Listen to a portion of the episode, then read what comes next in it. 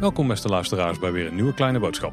Ja, welkom bij de podcast over alles Efteling met Tim Hinsen en Paul Sprangers. En Tim, vandaag is er weer een speciale gast aangeschoven, zo mogen we het wel noemen denk ik. Een bekende uit de pretpark podcastwereld en niet zonder goede reden. Want we gaan vandaag een heel tof onderwerp bespreken waar, uh, waar deze gast zeker wel iets mee heeft. Dus uh, Maurice, welkom terug in Kleine Boodschap. Hallo, dankjewel. En Maurice de Zin natuurlijk hè, van de podcast Team Talk. Al eerder een uh, Kleine Boodschap verschenen Tim, want die heeft jou een keer mogen vervangen. Ja, zeker. Maurice is een zeer gewaardeerde collega en vriend van ons allen. Dus Absoluut. leuk dat je, dat je in de studio bent, Maurice. Met alle plezier, met alle plezier. Ja, het was eigenlijk nog een beetje uitgesteld, want ik wilde eerst komen, maar toen was allemaal gekte en chaos en drukte. En, maar ik, ik, toen baalde ik echt, want ik had echt heel veel zin om te komen. En nu nog steeds. Vandaar dat we het gewoon opnieuw hebben ingepland. Zo is het. Wij zijn zo flexibel, Maurice. Maar vandaag dus een bijzonder onderwerp en uh, waar jij ook wel wat linkjes mee hebt. Maar daar gaan we het daar even over hebben nog los, Maurice. Want vandaag gaan we het hebben over uh, special effects in de Efteling. Ja, onze favoriete speciale effecten of audiovisuele effecten in de Efteling. Nou, de definitie moeten we daar ook nog maar eens proberen uit te leggen. Altijd wel een issue, hè? Het is in ieder geval weer een, een klassieke toplijstjes uh, aflevering. Waarin we uh, onze favorieten gaan uitkiezen. En deze keer hebben we ze niet aan elkaar verklapt, hè? Nee, nee we weten weer van elkaar niet welke zaken we hebben gekozen. Maar ja, dit keer zijn er misschien ook wel heel veel om uit te kiezen. Dus. Ja, maar dat doen jullie nooit, toch? Jullie verklappen volgens mij nooit aan elkaar wat jullie in elkaars lijstje bestaan, toch? Of soms toch nog wel eens... Ligt er vooral aan hoeveel moeite ik hem heb om een lijstje te maken. Leuk ik soms op die van Tim.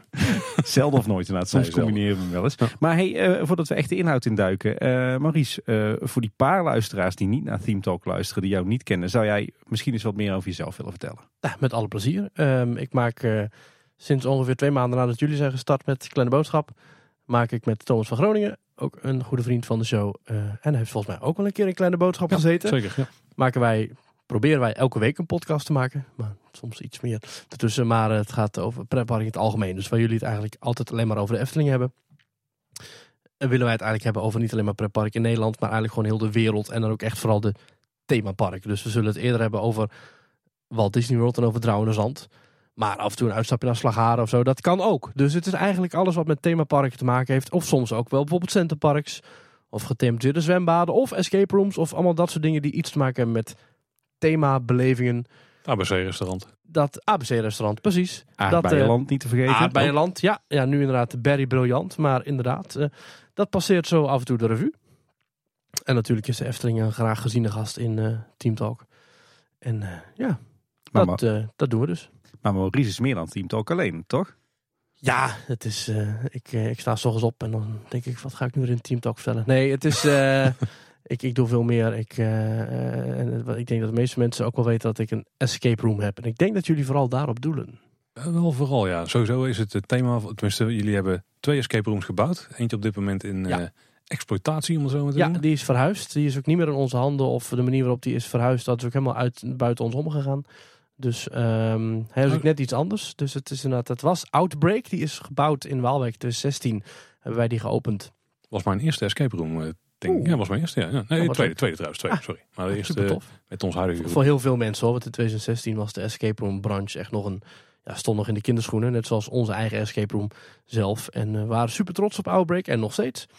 Alleen uh, zo rond corona hebben we natuurlijk even moeten sluiten. En hebben we ons ook toegelegd op onze tweede kamer. Tweede Experience Illusion. En die hebben we in juni 2021 geopend. En toen we die openden... waren mensen er zo enthousiast over dat we dachten... ja dan willen we niet zomaar zonder enige uh, moeite uh, Outbreak weer heropenen. Want dan is dat level, dat verschilt te veel. Dus we willen dan eigenlijk nog wel grootste aanpassingen doen aan Outbreak.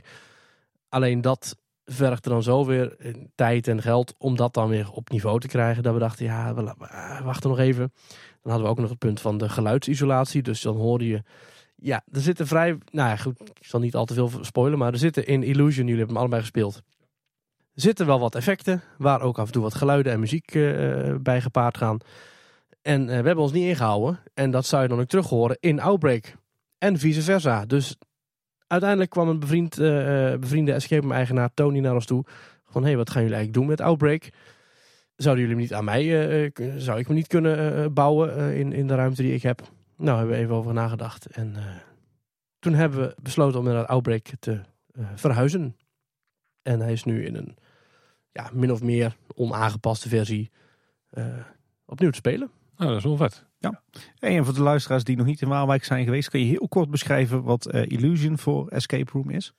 Ja, Illusion is een escape experience van 90 minuten, waarin je eigenlijk met ons meegaat in ons archief, waarin wij allerlei krantartikelen, foto's, posters ehm, en ook een award, oude award hebben teruggevonden van Marcus Furore, een illusionist die lang geleden in Waalwijk zijn carrière heeft uitgebouwd. Groot, uh, veel meer fans, uh, meer en meer fans steeds. Alleen het was niet helemaal in lijn met hoe de dominee dat uh, voor zich zag destijds, jaren 50, jaren 60. En toen is dat uiteindelijk uitgelopen op een nogal een uh, dramatische climax op een avond.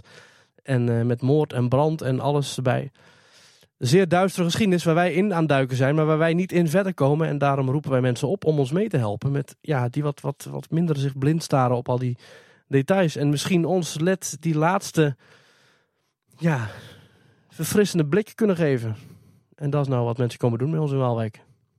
Echt een topervaring. Hè? Wij hebben hem uh, samen gespeeld, hè Paul? Ja. Nee, nee, we hebben niet samen nee, gespeeld. Niet, niet nee, samen nee, gespeeld. Nee, Je hebt allebei gespeeld, maar wel los van elkaar. Ja. Oh, nou, mijn uh, brein laat me in de steek. maar wij hadden in ieder geval een topavond. Dat is één ding wat zeker is. Ja, super. Hey, maar Maurice, je hebt dus een, uh, je hebt dus een podcast over het themapark. Je hebt een eigen escape room. Maar we kunnen wel stellen, jij bent denk ik van kinds af aan al groot pretparkliefhebber, Efteling-liefhebber.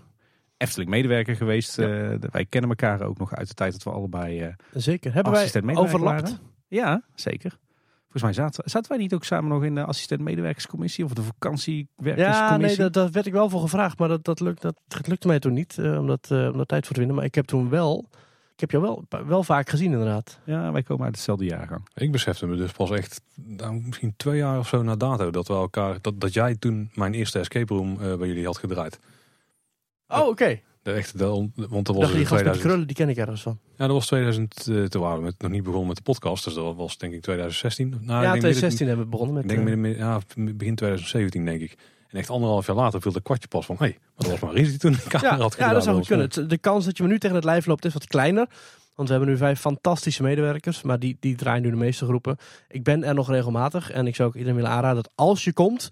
Uh, zet dan even in de opmerking van... hey, ik heb het gehoord in Kleine Boodschap of Teamtalk. En ik vind het niet erg om Maurice te zien. Dan kan ik misschien proberen of ik dan wellicht mezelf in kan plannen. Ik kan niks garanderen natuurlijk, maar... Voor selfies en handtekeningen. Ja, nou ja, we krijgen regelmatig mensen die zeggen... oh, ik had het leuk gevonden om, uh, om nog even met Maurice te kletsen over pretpark of zo. Maar goed, iedereen die nu bij ons werkt, die heeft ook een link met pretparken. En dus die zijn ja. minstens net zo leuk hoor. Dus, uh, Verrassend. Ja, dan weet ja. ik al hoe jouw sociale netwerk eruit ziet. Ja, er zit redelijk veel uh, themabloed uh, stroomt uit doorheen. Ja. Maar hoe zit dat met jouw liefde voor de Efteling en voor pret- en themaparken? Ja, we hebben natuurlijk allemaal het geluk. Uh, spreek even over ons drieën dat we in deze buurt geboren zijn. En jullie natuurlijk helemaal. Ja, voor ons was vroeger naar de Efteling gaan, dat was niet meer dan normaal. Maar nu ik met Team Talk een andere, gewoon de afgelopen vijf, vijftien jaar wat meer in andere pretparken kom. Zoals ik vorige week nog in Kernis Wonderland in Duitsland. ja, ja. Ja, ook dat heeft echt wel een charme, maar het is gewoon iets compleet anders dan de Efteling. en ook als je kijkt naar parken in Nederland, Slagharen, het zijn allemaal parken die hebben echt wel wat leuk aanbod. Sommige ook nog wel interessante achtbanen, soms nog wel een leuke dark ride. Maar het niveau dat de Efteling aanbiedt op het gebied van hè, die, die, dat, dat, dat, dat wat, ja goed, echt cliché, maar de Anton Pieck, Sprookjesbos, uh, de mate van, van liefde voor het bedrijf die je terugmerkt in sommige managers bij de Efteling. Dat is echt iets wat je wat, wat nog voorleeft tot op heden. En ik vind het fantastisch om te zien dat Efteling nog steeds die, die, die aantrekkingskracht heeft van vroeger. En uh, ja, dat is wel iets wat mij altijd al geïntegreerd heeft. En ook de wereld erachter. Hoe werkt dat?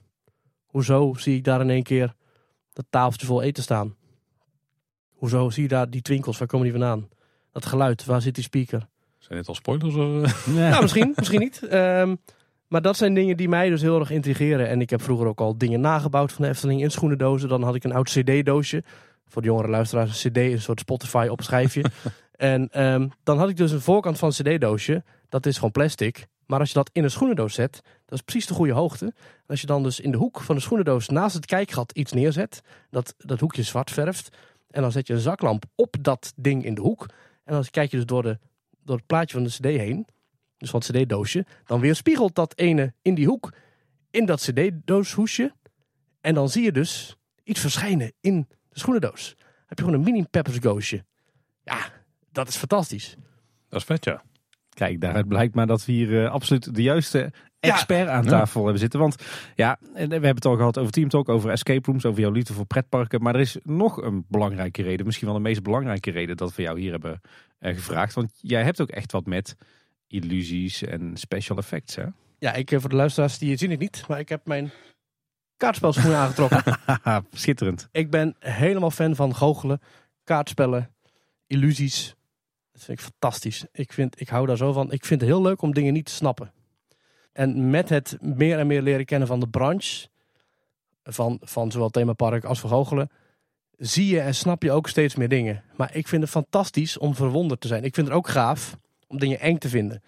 Maar hoe hoog de achtbaan ook is, ik stap er altijd uit met, oh, dat was vet, maar niet eng. Wat ik nog wel eng vind zijn bijvoorbeeld droptorens. Soms nog wel eens. Of glijbanen met zo'n valluik.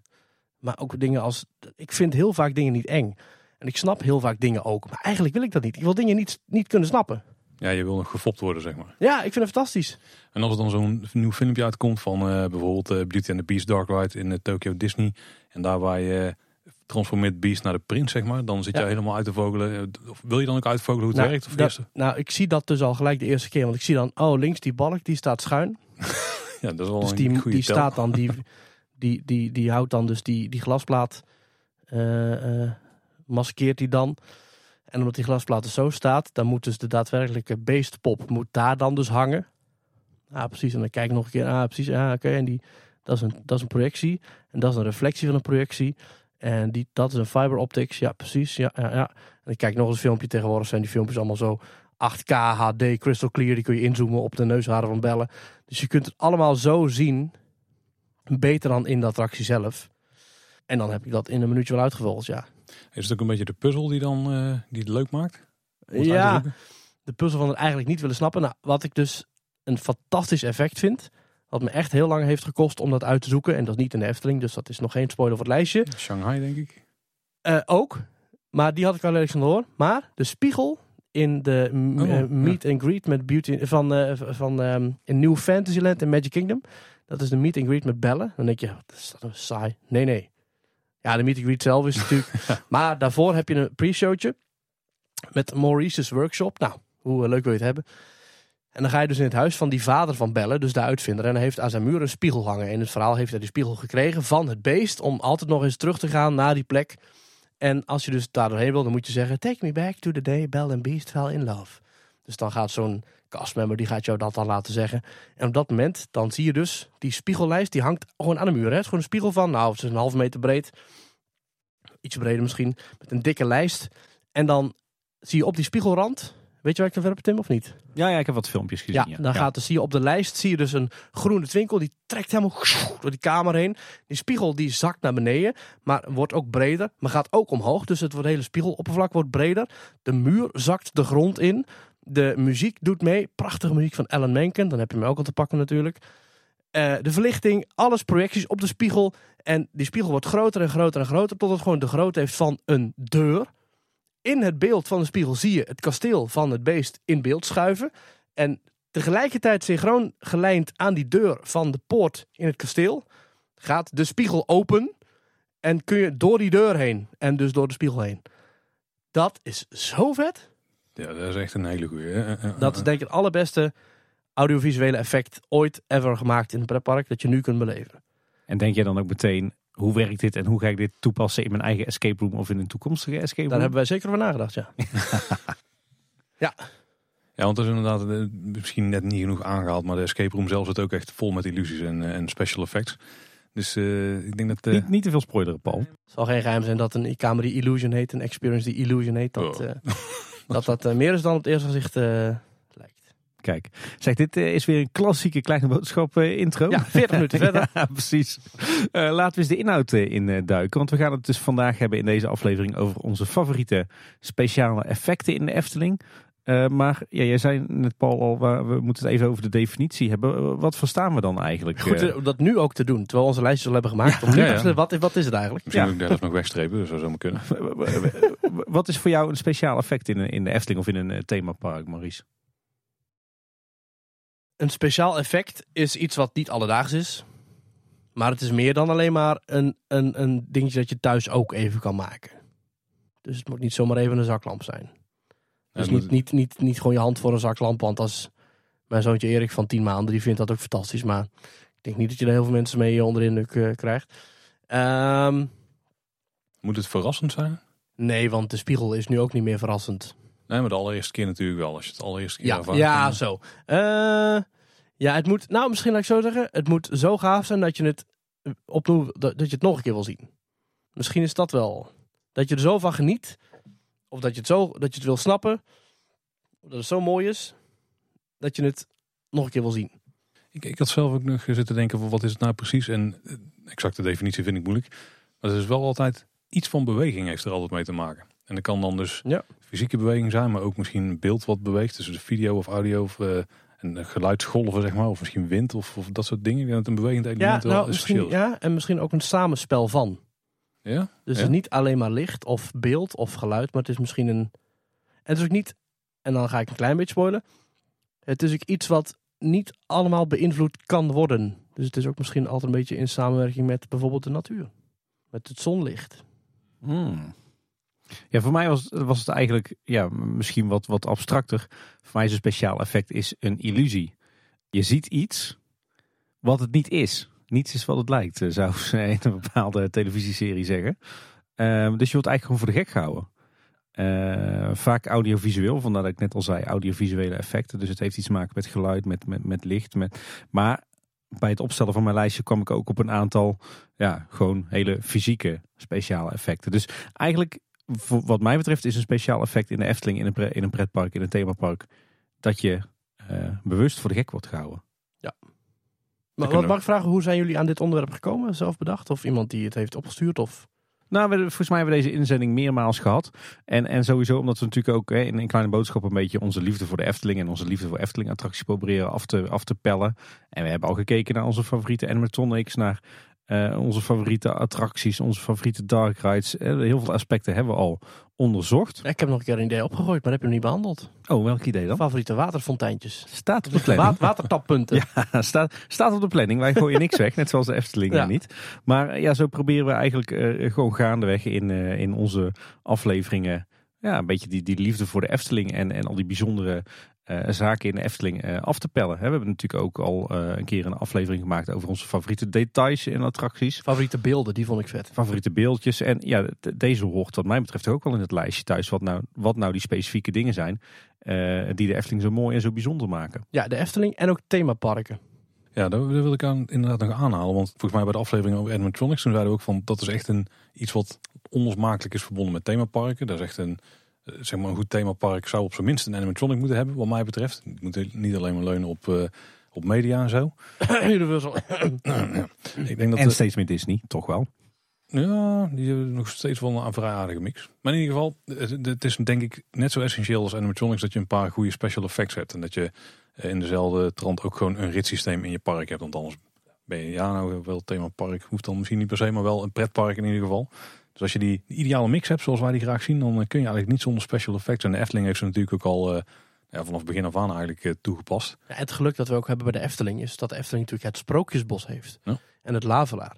Waar je niet in een bootje zit en dat je maar één keer ziet en dan weer doorgaat. En dat je weer 40 minuten moet wachten om hem nog een keer te zien. Je kunt heel de dag als je wil staan kijken naar effect X. Ik zeg nog even niks. Ja. maar je kan heel de dag kun je blijven, blijven staan als je dat wil. Of in de wachtrij van bepaalde attracties kun je gewoon heel de tijd gaan kijken naar hoe zit het met, met die, met die, met die, goh, met die, met die vuur dat die boven mij, uh, die, met die vuurzee. Ik zeg maar wat. Hè? Ja. Nee, ja. Nee, ja, zeker. Maar je haalt wel iets interessants aan, want je hebt het over het Sprookjesbos. En wel goed om te beseffen, maar de Efteling past natuurlijk al sinds het allereerste prille begin uh, van uh, het park van het Sprookjesbos speciale effecten toe. En dat hebben we echt wel te danken aan een van de grondleggers van de Efteling. Nou ja, Peter, Reinders. Ja.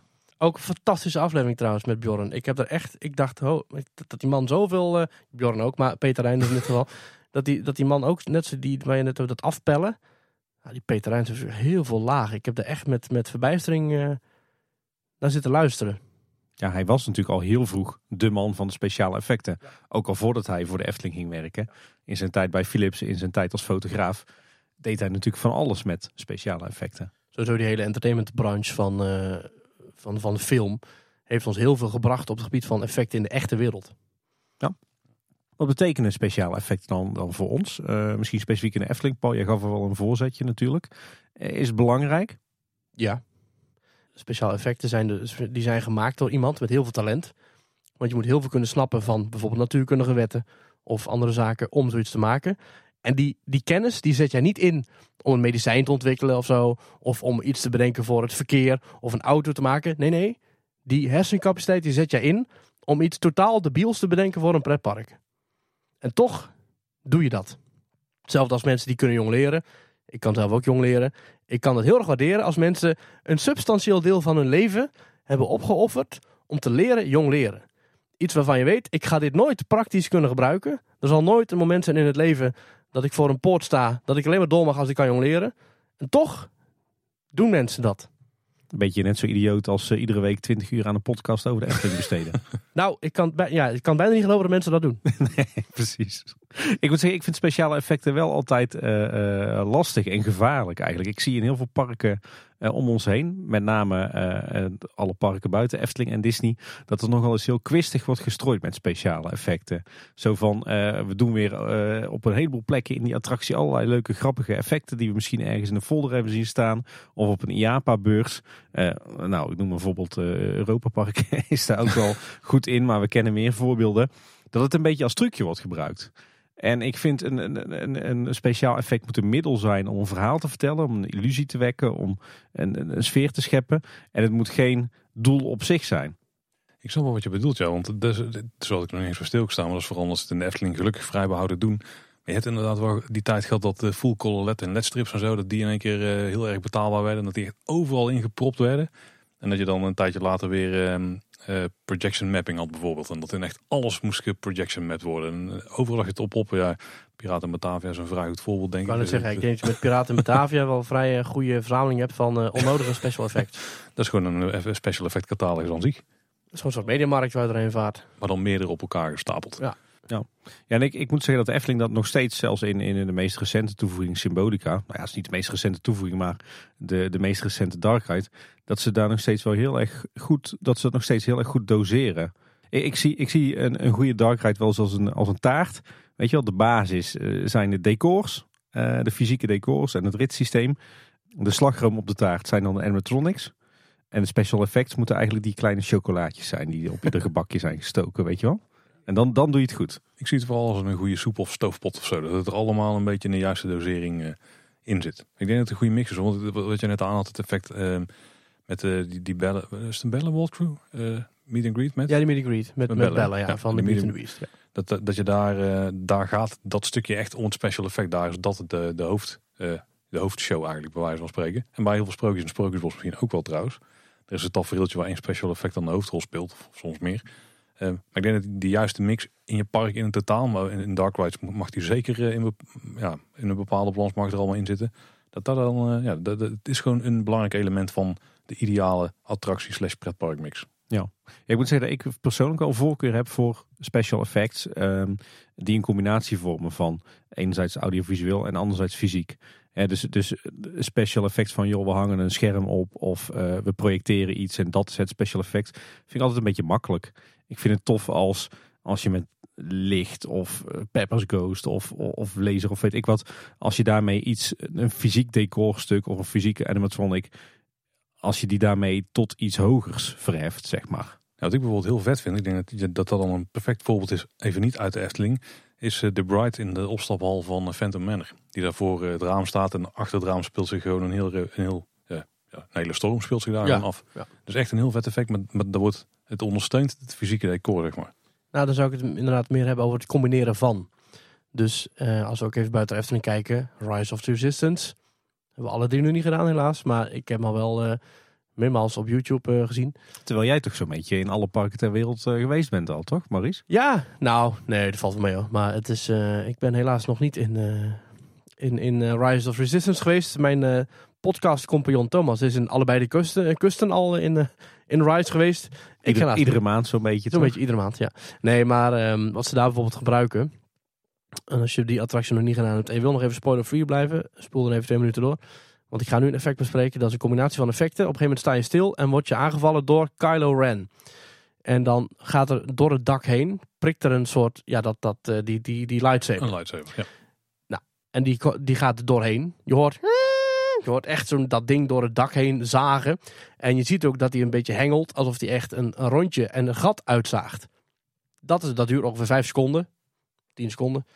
Maar dat is zo'n combinatie van effecten. Want wat er gebeurt, Uiteraard gaat er niet echt een, een stuk uh, metaal door het plafond heen. Heb je dit effect gezien uh, trouwens? Ja, ja, natuurlijk. Ik, ik kijk alles op YouTube, ja. Ja, uh, er komt, ten eerste komt er dus daadwerkelijk een lightsaber door het plafond heen naar beneden.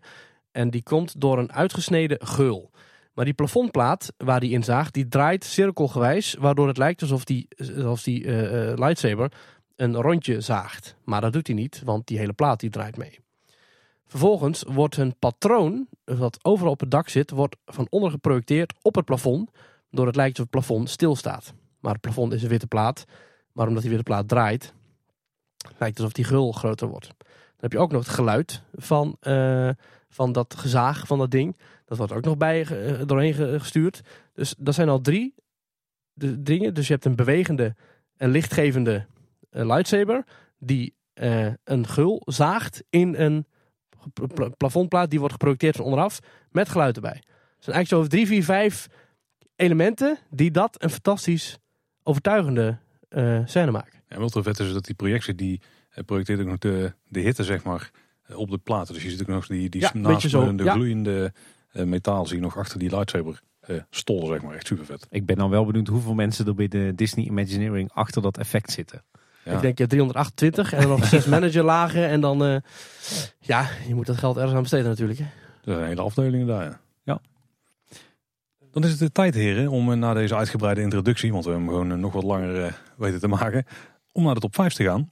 Ja, want we hebben allemaal heel strikt een top 5 gemaakt. Hè? Dus het is, deze keer zit er wel een bepaalde volgorde in. Hè? Het is niet zo dat we zeggen, dit zijn onze vijf favorieten. Nee, we gaan tellen echt af van 5 naar 1. Is dat zo? Oh, hebben we het weer niet goed afgestemd aan de voorkant? Maar ik heb in ieder geval echt wel een uh, strakke top 5. Jij, Paul? Ik niet. Ik ook niet. Ah, nou dan. Uh... maar dat is vooral omdat ik. Uh, ik kan gewoon niet echt goed kiezen. En ik heb een hele lijst en ik denk dat er wel wat overlap is. Dat denk ik ook. Ze zijn me allemaal even lief. Ja, nou, ja, nou dat is niet helemaal waar, maar ik heb wel effecten waarvan ik denk die jullie ook wel zullen hebben. Maar er zijn ook wel effecten die ik toch wel zeker wil noemen. Nou, dan ga ik in ieder geval van 5 naar 1 terugwerken. En jullie gaan uh, random iets uit jullie uh, top 5. Uh, 2. ja. Een speciale vermelding voor 7. Ja, ja, ik, ik probeer van 5 naar 1 toe te werken. Want ik heb wel een nummer 1. Maar het kan zijn dat die, dat die al genoemd wordt. En dan wissel ik gewoon. Maar deze keer mag het wel in principe dubbeling. Hè? Want we weten dus niet van elkaar wat we gekozen hebben. Dat niet, hebben we niet van tevoren over gehad. We alle drie een top 5 hebben ook nog eervolle vermeldingen. Tenminste, ik wel. Heel veel. Komen Uiteraard. er achteraan. Dan bespreken we alle andere effecten in de Efteling. Maar uh, laten we gewoon bij de, bij de basis beginnen. Bij uh, onze top 5 favoriete special effects, speciale effecten in de Efteling. En dan vind ik dat de gast eigenlijk mag beginnen, toch? Absoluut. Nou, dan ga ik er eentje noemen. Die ik als kind niet snapte. En hij zit in de buurt van een ander special effect. Dat ik dan terloops ook even meeneem dat jullie waarschijnlijk ook wel op de lijst bestaan. En uh, het is een effect dat, waarvan ik heel lang heb gedacht dat het een Peppers Ghost was. Maar dat is het niet. Oh. Hebben jullie al een beetje een idee wat het zou kunnen zijn? Is het in Fata Morgana? Nee. Mag ik iets meer hint geven, denk ik? Want dit is het nog... bevindt zich in het Sprookjesbos. Is het Chinese nachtegaal? ja. Ah. Maar wat dan? Want voordat de dood verschijnt op het bed van de keizer, verschijnen er oh. enge gezichten. Oh ja, tuurlijk. En die gezichten, die zitten daar echt. Ja, dat zijn die, fysieke... namelijk, die hangen daar fysiek. Uh, misschien moet ik even uitleggen wat een Pepsi Ghost is. Ik had het net al even over dat cd-doosje. Nou, dat is eigenlijk hetzelfde. Alleen nu iets groter, met een grote glasplaat. En onlangs was het sprookje kapot, omdat die glasplaat kapot was. En dan werkt het Peppers Ghost effect niet, want een Peppers Ghost is een weerspiegeling van iets in een, in dit geval glasplaat. En um, de dood, die zit onder je, als je daar over die reling hangt, op die grote kast met die bollen erop. Dat is de kast waar de dood in zit. Een grote pop, een skeletpop met een witte lamp erop. En die weerspiegelt in een glasplaat. Dat is een Pepper Ghost. Maar voordat die verschijnt, verschijnen achter de keizer in de diepte, eigenlijk door het gordijn heen, verschijnen dus gezichten die de keizer aan uitlachen, grijnzen. En die hangen dus achter de gordijnen. Die gordijnen zijn eigenlijk flinterdun. Dus dat is even mijn theorie. Het zijn flinterdunne gordijnen die volgens mij niet eens rood zijn, die volgens mij wit zijn. En die eh, rood worden belicht, waardoor ze op rode, dikke, stoffen gordijnen lijken. Maar als je daar dus achter een heel felle spot op een, in dit geval, gezicht zet. Hetzelfde soort gezicht als dat je in Carnival Festival hebt als je die gang van Japan inrijdt. Zie je die gezichten links hangen? Nou, hier hangen ze dus achter het gordijn. En omdat ze zo fel worden belicht, zie je ze eigenlijk door het gordijn heen. Maar ik dacht ook altijd van, hè? Dat moet ook een Peppers Ghost zijn. Want je kijkt, je ziet ze door het gordijn heen. Dus dit moet een geest zijn. Maar waar hangen dan die originele dingen? Dus ik heb heel dat ik, ik zit, ik zit helemaal over die reling heen als als twaalfjarig jochie van, hè? Hoe kan het? Waar zit nou die? Waar zit? Kijk, die Bob, die dood, die, dat skelet zit daarin. Oké, dat is easy. Maar waar zitten die gezichten? Die hangen gewoon waar je ze ziet hangen. Met felle lampen op en ze verdwijnen verschijnen. Fantastisch. Echt zo goed bedacht. Misschien niet, ik weet niet of je dan uh, iemand, ik weet niet of een item op iemands lijst spoilen, maar eigenlijk is het vergelijkbaar met de Vlederik, hè? die uh, boven in het plafond hing in het spookslot. Ja, alleen daar is het heel duidelijk dat het een nepmuur is. Maar omdat dit gordijnen zijn, ga je ervan uit dat ze niet heel, ja, zo, heel dun. Snap je? Je denkt dat het heel dikke stoffen gordijnen zijn. Maar dat zijn het niet. Ja, fantastisch. Maar eigenlijk is het toch een, een, bekende techniek uit het theater ook. Werken met verschillende doeken achter elkaar. Met verschillende dikte. ja, maar er zijn nog steeds doeken die worden geschilderd als een, als een huis, als een muur, als whatever. Maar het zijn niet doeken die, die, die doeken zijn. Dus je wacht niet dat je dan, als, als iets is gemaskeerd als zichzelf, dan, dan, dan, dan verdenk je het niet. Zo, goed punt, ja. vet. Ja, dat is een hele goede. Daar had ik zelf nog niet eens aan gedacht. Maar inderdaad een heel mooi effect, ja. En het is dan een beetje gekoppeld aan dus dat andere effect van de dood die verschijnt. Dat is dus wel een Pepsi Ghost. Eh, fantastisch effect, die Pepsi Ghost. Maar om dat dan uit te breiden met een fysiek element dat verschijnt en verdwijnt, ja, dat vind ik fantastisch. Ik vind het ook, ook zo grappig dat eh, voordat de dood verschijnt, zie je alleen maar twee oogjes. Ja. En dat zijn volgens mij gewoon twee ledjes of twee glasvezel. Ja, want in de, in de lege oogkassen van de dood zitten inderdaad twee lampjes. Heel rare zin dit, maar dat is het. Ja. Uh, dus uh, die doen ze even aan en uit. En die gaan ook weer even aan en uit als de dood uh, een klap krijgt van de, de liefde die de nachtegaal uitstraalt. Maar misschien wel even goed om nog bij die Peppers Ghost stil, te, stil te blijven staan. Want dat is een techniek die wordt ontzettend veel toegepast in de Efteling. Ook heel veel toegepast door Disney. Maar ook dat is een eeuwenoude theatertechniek, toch? Het is in de 18e eeuw al gebruikt is een techniek die heel makkelijk is. Want je hebt alleen maar een, glasplaat nodig en een lamp. En alles wat jij belicht, dat weerspiegelt in die glasplaat. Dus als je dat, die glasplaat op een bepaalde manier positioneert, van boven naar beneden, diagonaal of whatever, dan kun je gewoon met een bepaalde hoeken kun je iets laten verschijnen en verdwijnen. Er zit er ook eentje bijvoorbeeld in uh, Challenge of Tutankhamon. Er zit er eentje in de wachtrij van uh, Django River. Er zit er eentje in, uh, of ja, eentje, er zit er heel veel in, in inderdaad Disneyland. Heeft er heel, dus overal worden die dingen wel gebruikt. Nou, en de clue is volgens mij toch wel dat zeg maar, hetgeen dat je uh, geprojecteerd wil hebben op die glasplaat moet eigenlijk in een, in een, zwarte ruimte staan. Je zegt eigenlijk al twee dingen fout. Je zegt geprojecteerd, dat is het niet. Er wordt niks geprojecteerd, het wordt gereflecteerd. Ja. En het, het reflecteert niet op een glasplaat, het reflecteert in een glasplaat. Het is niet dat je op de glasplaat iets schijnt of zo. Het is puur dat die glasplaat ervoor zorgt dat je, dat je het weer... Alsof je zelf in de auto zit, s'avonds laat, en je kijkt naar buiten en je hebt je autolampje aan, dan zie je jezelf weer spiegelen in je autoruit. That's it. Ja. Hetzelfde idee wat je hebt als dat je jezelf echt compleet kapot schrikt als je uh, s'avonds uh, laat in het donker een kamer binnenloopt uh, waar het licht aan is en je ziet je eigen gezicht weer spiegelen in de ruit. Bijvoorbeeld, ja, exact.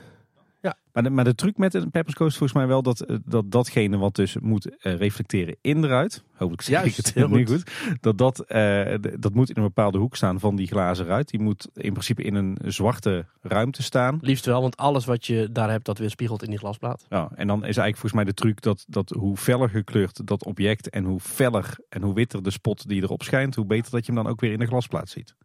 Het wordt ook veel gebruikt in de filmwereld, hè? Een series. Dus als je bijvoorbeeld in uh, Game of Thrones zit er, een serie, zit er een scène. Dan rent er een paard door een brandstapel heen. Die brandstapel was daar echt. Het hout lag daar echt. Het vuur was daar echt. En het paard was daar echt. Allemaal tegelijkertijd. Alleen het vuur was helemaal rechts naast de camera. Stond de glasplaat voor de camera schuin. En die was zo gepositioneerd dat het vuur weer spiegelde in de glasplaat. Alsof het hout leek te branden.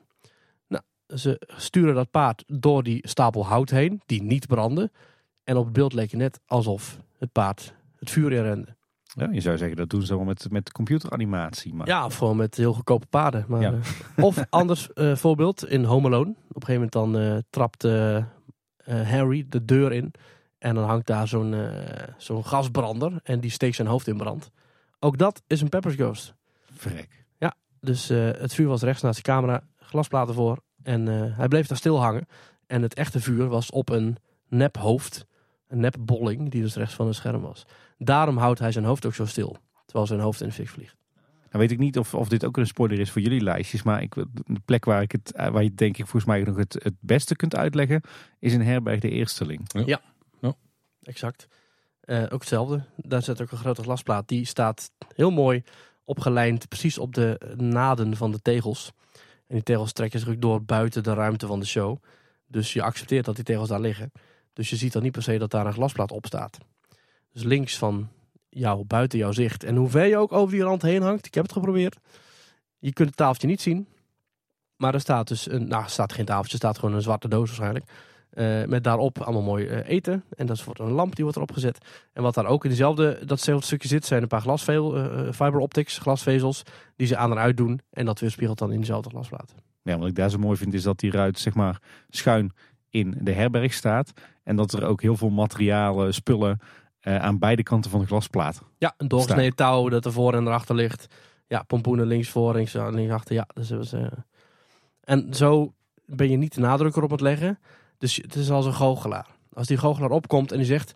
Dames en heren, ik heb hier een zakdoek. Dat is een gewone zakdoek. Er is niks meer aan de hand. Dan weet je, er is wat mee in de hand. Terwijl als die goochelaar opkomt en hij legt helemaal niet de nadruk op die zakdoek... dan zeg je tegen jezelf... Dat is gewoon een zakdoek. Dat is niks meer aan de hand. En leugens die jij jezelf vertelt, die zijn heel moeilijk om weer uit je hoofd te krijgen. Oeh, het wordt filosofisch hier, nou. Paul. Precies. Hey, ja, dat was jouw uh, nummer 5, Maurice Paul. Wat is jouw nummer 5? Een nummer 5. Uh, nou, dan, dan doe ik er eentje die in het verlengde van uh, deze ligt. En dat is, uh, ja, is het een specifiek onderdeel van? Nou, het is in ieder geval bij het meisje met de zwavelstokjes. We hebben ook een, een Peppers Ghost. En die werkt daar heel goed samen met Absoluut. een aantal andere effecten. tenminste, met name met het fysieke decor daar. Uh, daar werkt het net iets anders. Sowieso hebben we geen glazen plaat hier, maar volgens mij in kunststof uh, membraan. Of in ieder geval gewoon kunststof. Uh, ja, ja folie. Ja, folie, inderdaad, die ja. daar gespannen is. die dus ook echt enorm groot is, want die zit gewoon in de hele scène eigenlijk. Zodat je hem niet ziet, zodat je de, de randen ervan niet ziet. En die, ja, daar werkt ze wel met een projectie, maar dan ze projecteren dus wel via die folie richting jou in principe. Nee, ze projecteren op het plafond. Oh, en dat reflecteert en dat weerspiegelt, dat reflecteert in, uh, in die folie. Ik zat me net af te vragen toen jij die uitleg gaf. Ik heb me altijd voorgesteld dat ze de, maar dan zie je natuurlijk de beamerlamp reflecteren en dat moet je niet hebben. Ja, nee. ja, ja. Uh, maar die, die werkt daar vooral heel goed samen met die animatronic en daar wordt het ook ondersteund om niet alleen een effect te brengen, zeg maar, dus iets waarvan je denkt van, hè, dat kan niet, maar ook om wat dingen te brengen die in die scène zitten die er wel zouden kunnen zijn, zoals bijvoorbeeld de adem van uh, het meisje. En vooral dat vind ik heel vet, dat ze, dat, dat ze eigenlijk zo subtiel daar met de special effect omgaan. Dat je het niet maar dat, dat het daardoor wel allemaal echt voelt in het totaal. En dat er uiteindelijk ook nog wel echt special effect, special effect dingen gebeuren. Waarvan je denkt van, hè, hoe kan het dan? Dat, maakt het dan misschien nog wel wat meer af. Maar uh, ja, ik denk dat het geheel er is. Eén klein nadeel, en die heb ik dan altijd. De positionering waar je staat is vooral aan het einde wel belangrijk. Bij het uh, wegzweven van uh, Grootje en het meisje naar ja, de hemel. Ja, ja want als je dan net verkeerd staat, dan kan die ster wel eens op een vreemde plek eindigen in, het, in de lucht. En als je links staat, dan zie je eigenlijk dat het scherm net iets te snel ophoudt. Want omdat het afloopt en die bolling van het scherm zorgt er eigenlijk voor dat, die, dat het meisje net iets, ja, die, dat is net niet mooi. Maar ja, het is alleen maar als je helemaal links staat. Dus dan moet je dat maar niet doen. Ja, dat komt natuurlijk omdat het zo'n groot oppervlak is. Als je kijkt bij uh, Herberg de Esteling, dan word je echt op een hele specifieke plek word je neergezet. Ja. Dan kun je ook eigenlijk maar fatsoenlijk met de man of acht kijken. Als er kinderen zijn, misschien net iets meer. Ja, en daar is de glasplaat, hè, dus die trekt niet krom aan de zijkanten. Ja, en dat is natuurlijk bij uh, het meisje met de zwavelstokjes kun je daar met een, uh, nou, met een man of veertig gewoon op je gemak staan. En bijna iedereen heeft dan een, een, heel prima special effect voor te kiezen. Wat ook nog mooi is als een side effect, is dat, dat, die, dat, dat die folie zit voor jou vast aan de vloer. En dat zit een punt vast, waardoor het een... Um, waar ze net die sneeuw een beetje hebben weggehaald. Waardoor het lijkt op een soort plasje water. Want je ziet een beetje lampen weerspiegelen. Boven je zie je die lampen weerspiegelen in dat plasje water. Maar dat weerspiegelt eigenlijk in die folie. dus dat komt net mooi uit, of net niet, net toeval. Maar waardoor het net lijkt alsof het gewoon een plas water is. Nog eens extra opletten dan. Ja. Ik vind het wel grappig dat daar echt de normale bezoeker heeft daar echt niet in de gaten dat daar een folie gespannen is.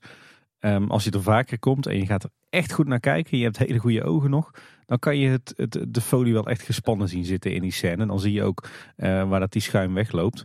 Uh, vooral ook als, het, uh, als je er s'avonds laat komt, het is donker en je ogen zijn gewend aan het donker. Dan zie je inderdaad dat zodra die projectie aangaat op het plafond, dat er over het hele doek een hele lichte witte zweem komt te zitten, zeg maar. Maar de normale bezoeker heeft dat echt niet door. Ja, hebben ze een beetje, een beetje proberen te maskeren door die sneeuwvlokjes die naar beneden dwarrelen. In de openingsmaanden was dat er nog niet van het meisje met twaalf stokjes. En toen was er echt in één zo'n witte waas die soort open trok. En nu ik zie je vooral die witte sneeuw dwarrelen. Dat is inderdaad, uh, ja, dat is een beetje een nadeel van omdat je een beamer gebruikt. Ik kan me voorstellen dat je wellicht ook zou kunnen kiezen voor een, een, een OLED-scherm. Maar ja, dat is, zo groot zijn die er niet. Of ja, zijn er misschien wel. Het kost waarschijnlijk wel, ja. 20 miljoen. Dit is helaas wel een effect dat je op alle beurzen tegenwoordig ziet. En in bijvoorbeeld Jumbo, is je waarschijnlijk niet geweest. Nee, dat is super. Dat is een beetje het probleem uh, van Jumbo. Hebben ze dit effect ook gebruikt. En, uh, maar dan niet met een zwevend, uh, zwevend grootje en een dood meisje. Maar met, ik geloof, vissen of zo die in de lucht heen en weer vlogen. Het was exact dezelfde folie en exact dezelfde techniek. Maar ja, dit is een techniek die je nu gewoon kan kopen. Voor ja. een niet, niet klein bedrag, maar het is gewoon te koop.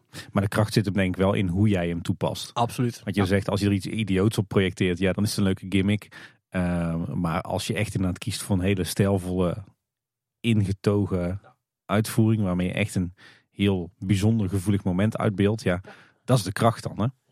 Maar goed, ik ga er verder niet te veel meer over zeggen, want misschien komt hij nog wel terug in mijn lijst. Oh. Wat uh, is de eerste op jouw lijst dan, Tim? Of eigenlijk de vijfde?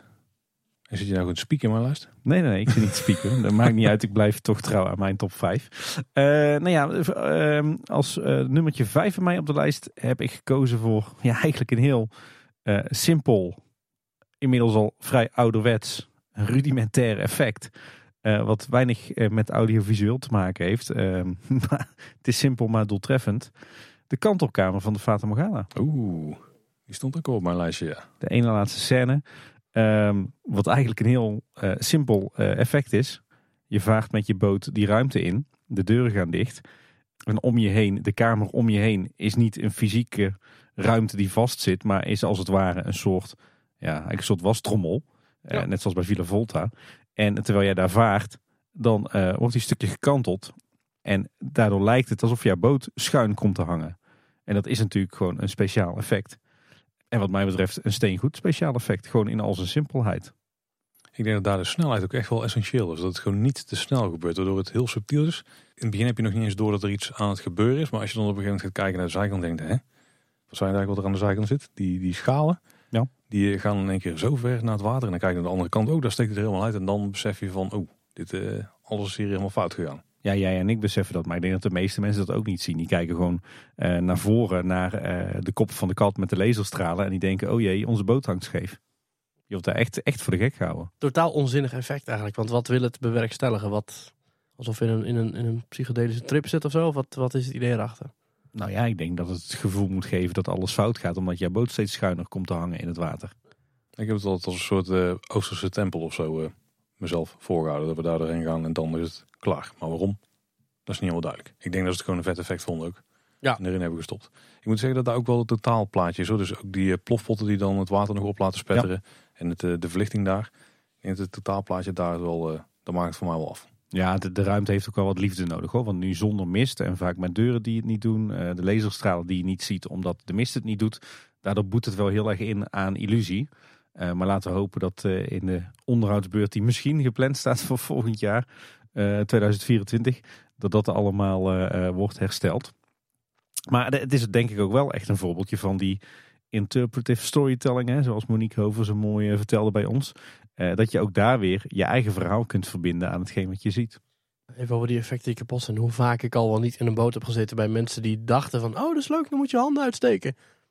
En dan kwamen er geen laserstralen, of tenminste niet zichtbaar. Dus dat zijn wel... Daar moet Efteling wel eventjes achteraan gaan. Mensen willen een hand uitsteken, dat is wel duidelijk. Maar inderdaad, tof effect. Maar het, het, wel een beetje in de, in de, in de inderdaad, wat, wat, welk doel heeft het? Dat denk ik altijd. Ik vind dat heel, heel gaaf. Een fantastische afsluiting van een fantastische attractie. Maar ik denk altijd wel, ja, leuk. Maar het is wel een beetje inderdaad een gimmick. Ja, vind ik minder. Ik vind het, ik vind het juist goed in, in al zijn simpliciteit eigenlijk. Nee, dat is, het is helemaal niet, het is helemaal niet simpel. De complete kamer wordt gekanteld. Maar waarom? Kijk, bij Villa Volta zit er nog een reden achter. Zit er een verhaal achter. Maar waarom gebeurt dat bij die kantelkamer? Ja.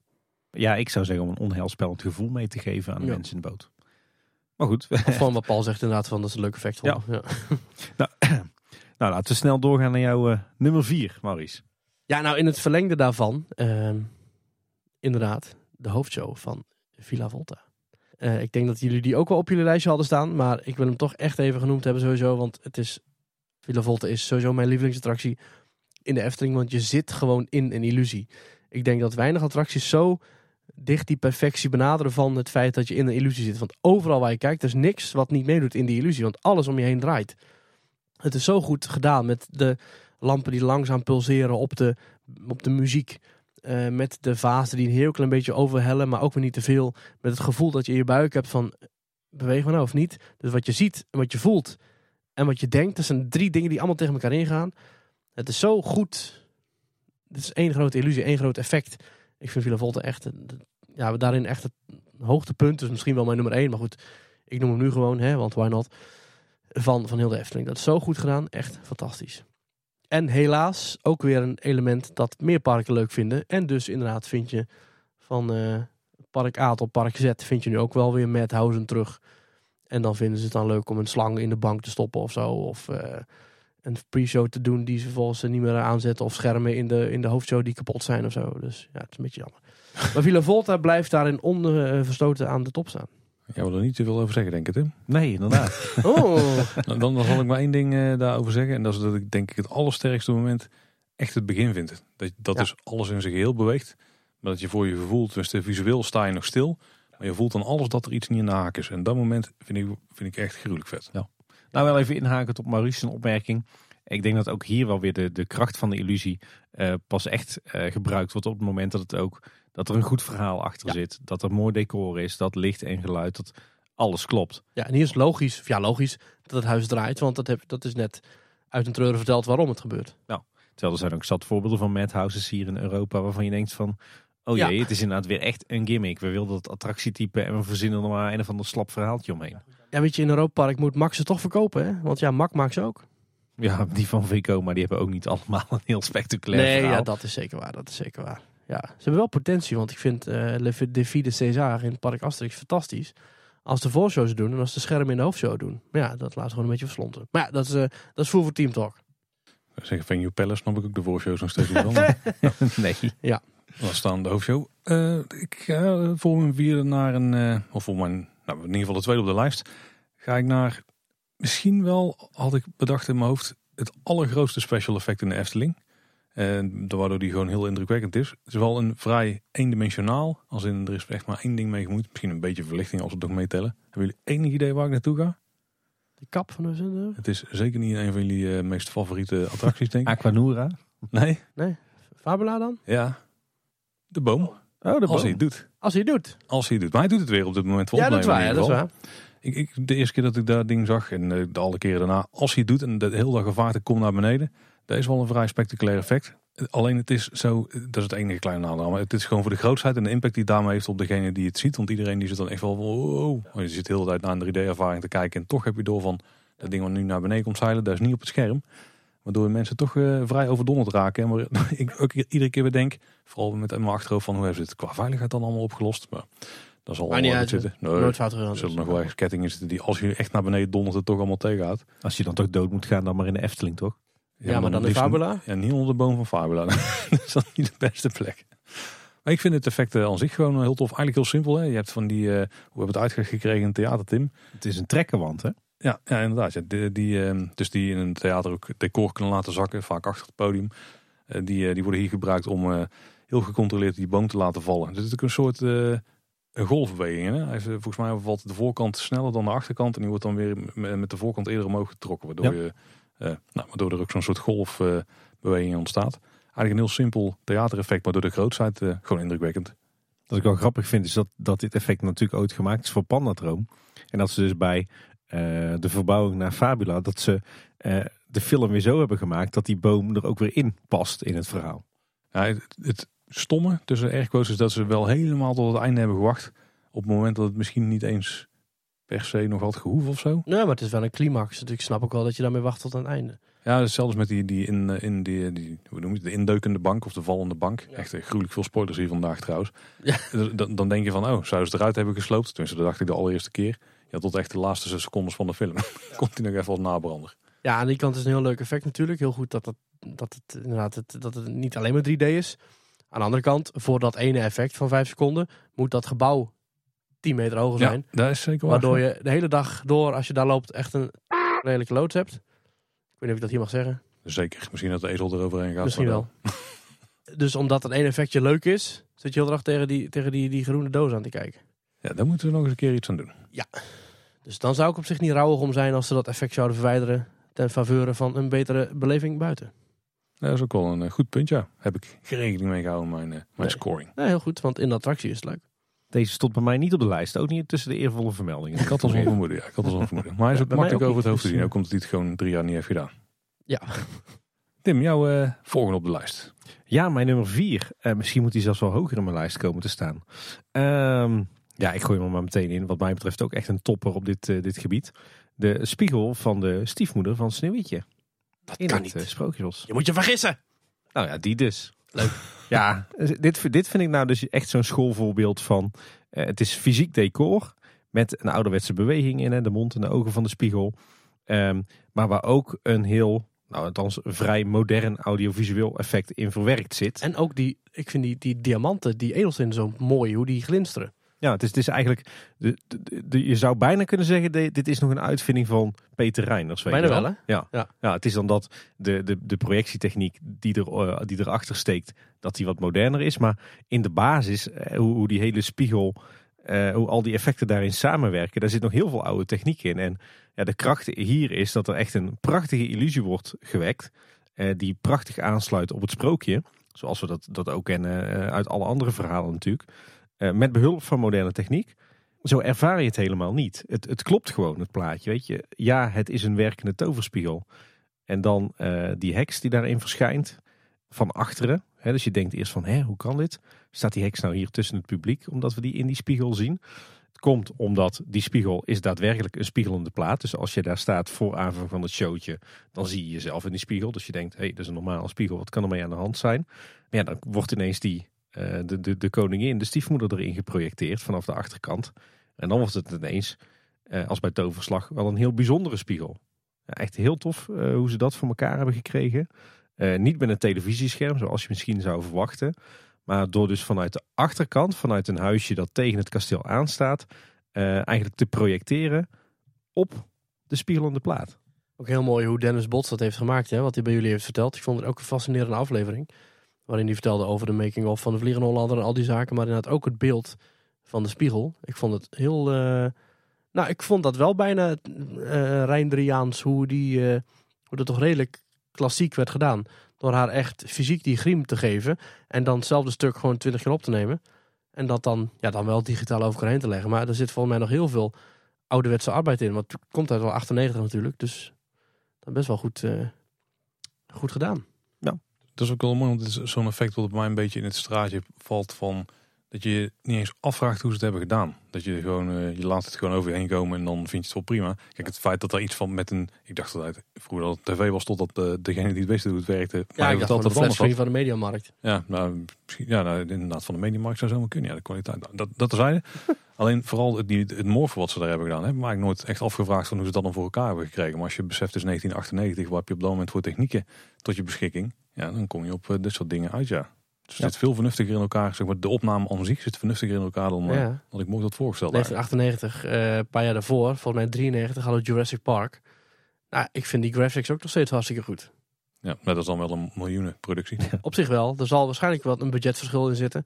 Maar het hoeft niet altijd moderner te zijn om beter te zijn. Probeer ik maar te zeggen. En dat eh, is zeker bij de toverspiegel het geval.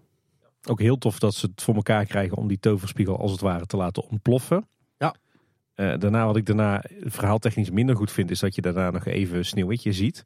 En dan in eerste instantie eh, zie je de toverspiegel alsof de, de, de koningin, eh, hoe moet ik zeggen, dan, dan is de spiegel is een spiegel waarin je de, de, de, de, de heks ziet, de koningin ziet. Maar dan op het laatst na die ontploffing, dan is de toverspiegel ineens een soort tv-scherm waarin je Sneeuwwitje ziet. Dat vind ik een klein beetje jammer, verhaaltechnisch. Um, maar dat is echt peanuts. Dat is echt spijkers op laag water zoeken. Ik vind het echt een heel gaaf effect. En ook, ook tof dat trucje wat ze hebben gebruikt. ehm, eh, voor de projectie. Want wat is dus het geval? Ze gebruiken een beamer, maar je kunt een beamer natuurlijk niet telkens aan en uitzetten. Want die heeft de afkoeltijd nodig en opwarmtijd. Dus wat doen ze? Die beamer staat gewoon de hele dag aan. Alleen er schuift een, eh, een soort luikje voor de lens op het moment eh, dat er dus niks geprojecteerd wordt. Want zou je dat niet doen, dan heb je gewoon een beamerlamp die projecteert op de spiegel. Waardoor dat normale spiegeleffect wat, wat, wat, je nu hebt op het moment dat je daar staat en het showtje is nog niet begonnen, dan zou dat wegvallen. Want dan wordt er vanuit de achterkant licht op geprojecteerd. Maar door dus dat luikje ervoor te schuiven, is het even donker.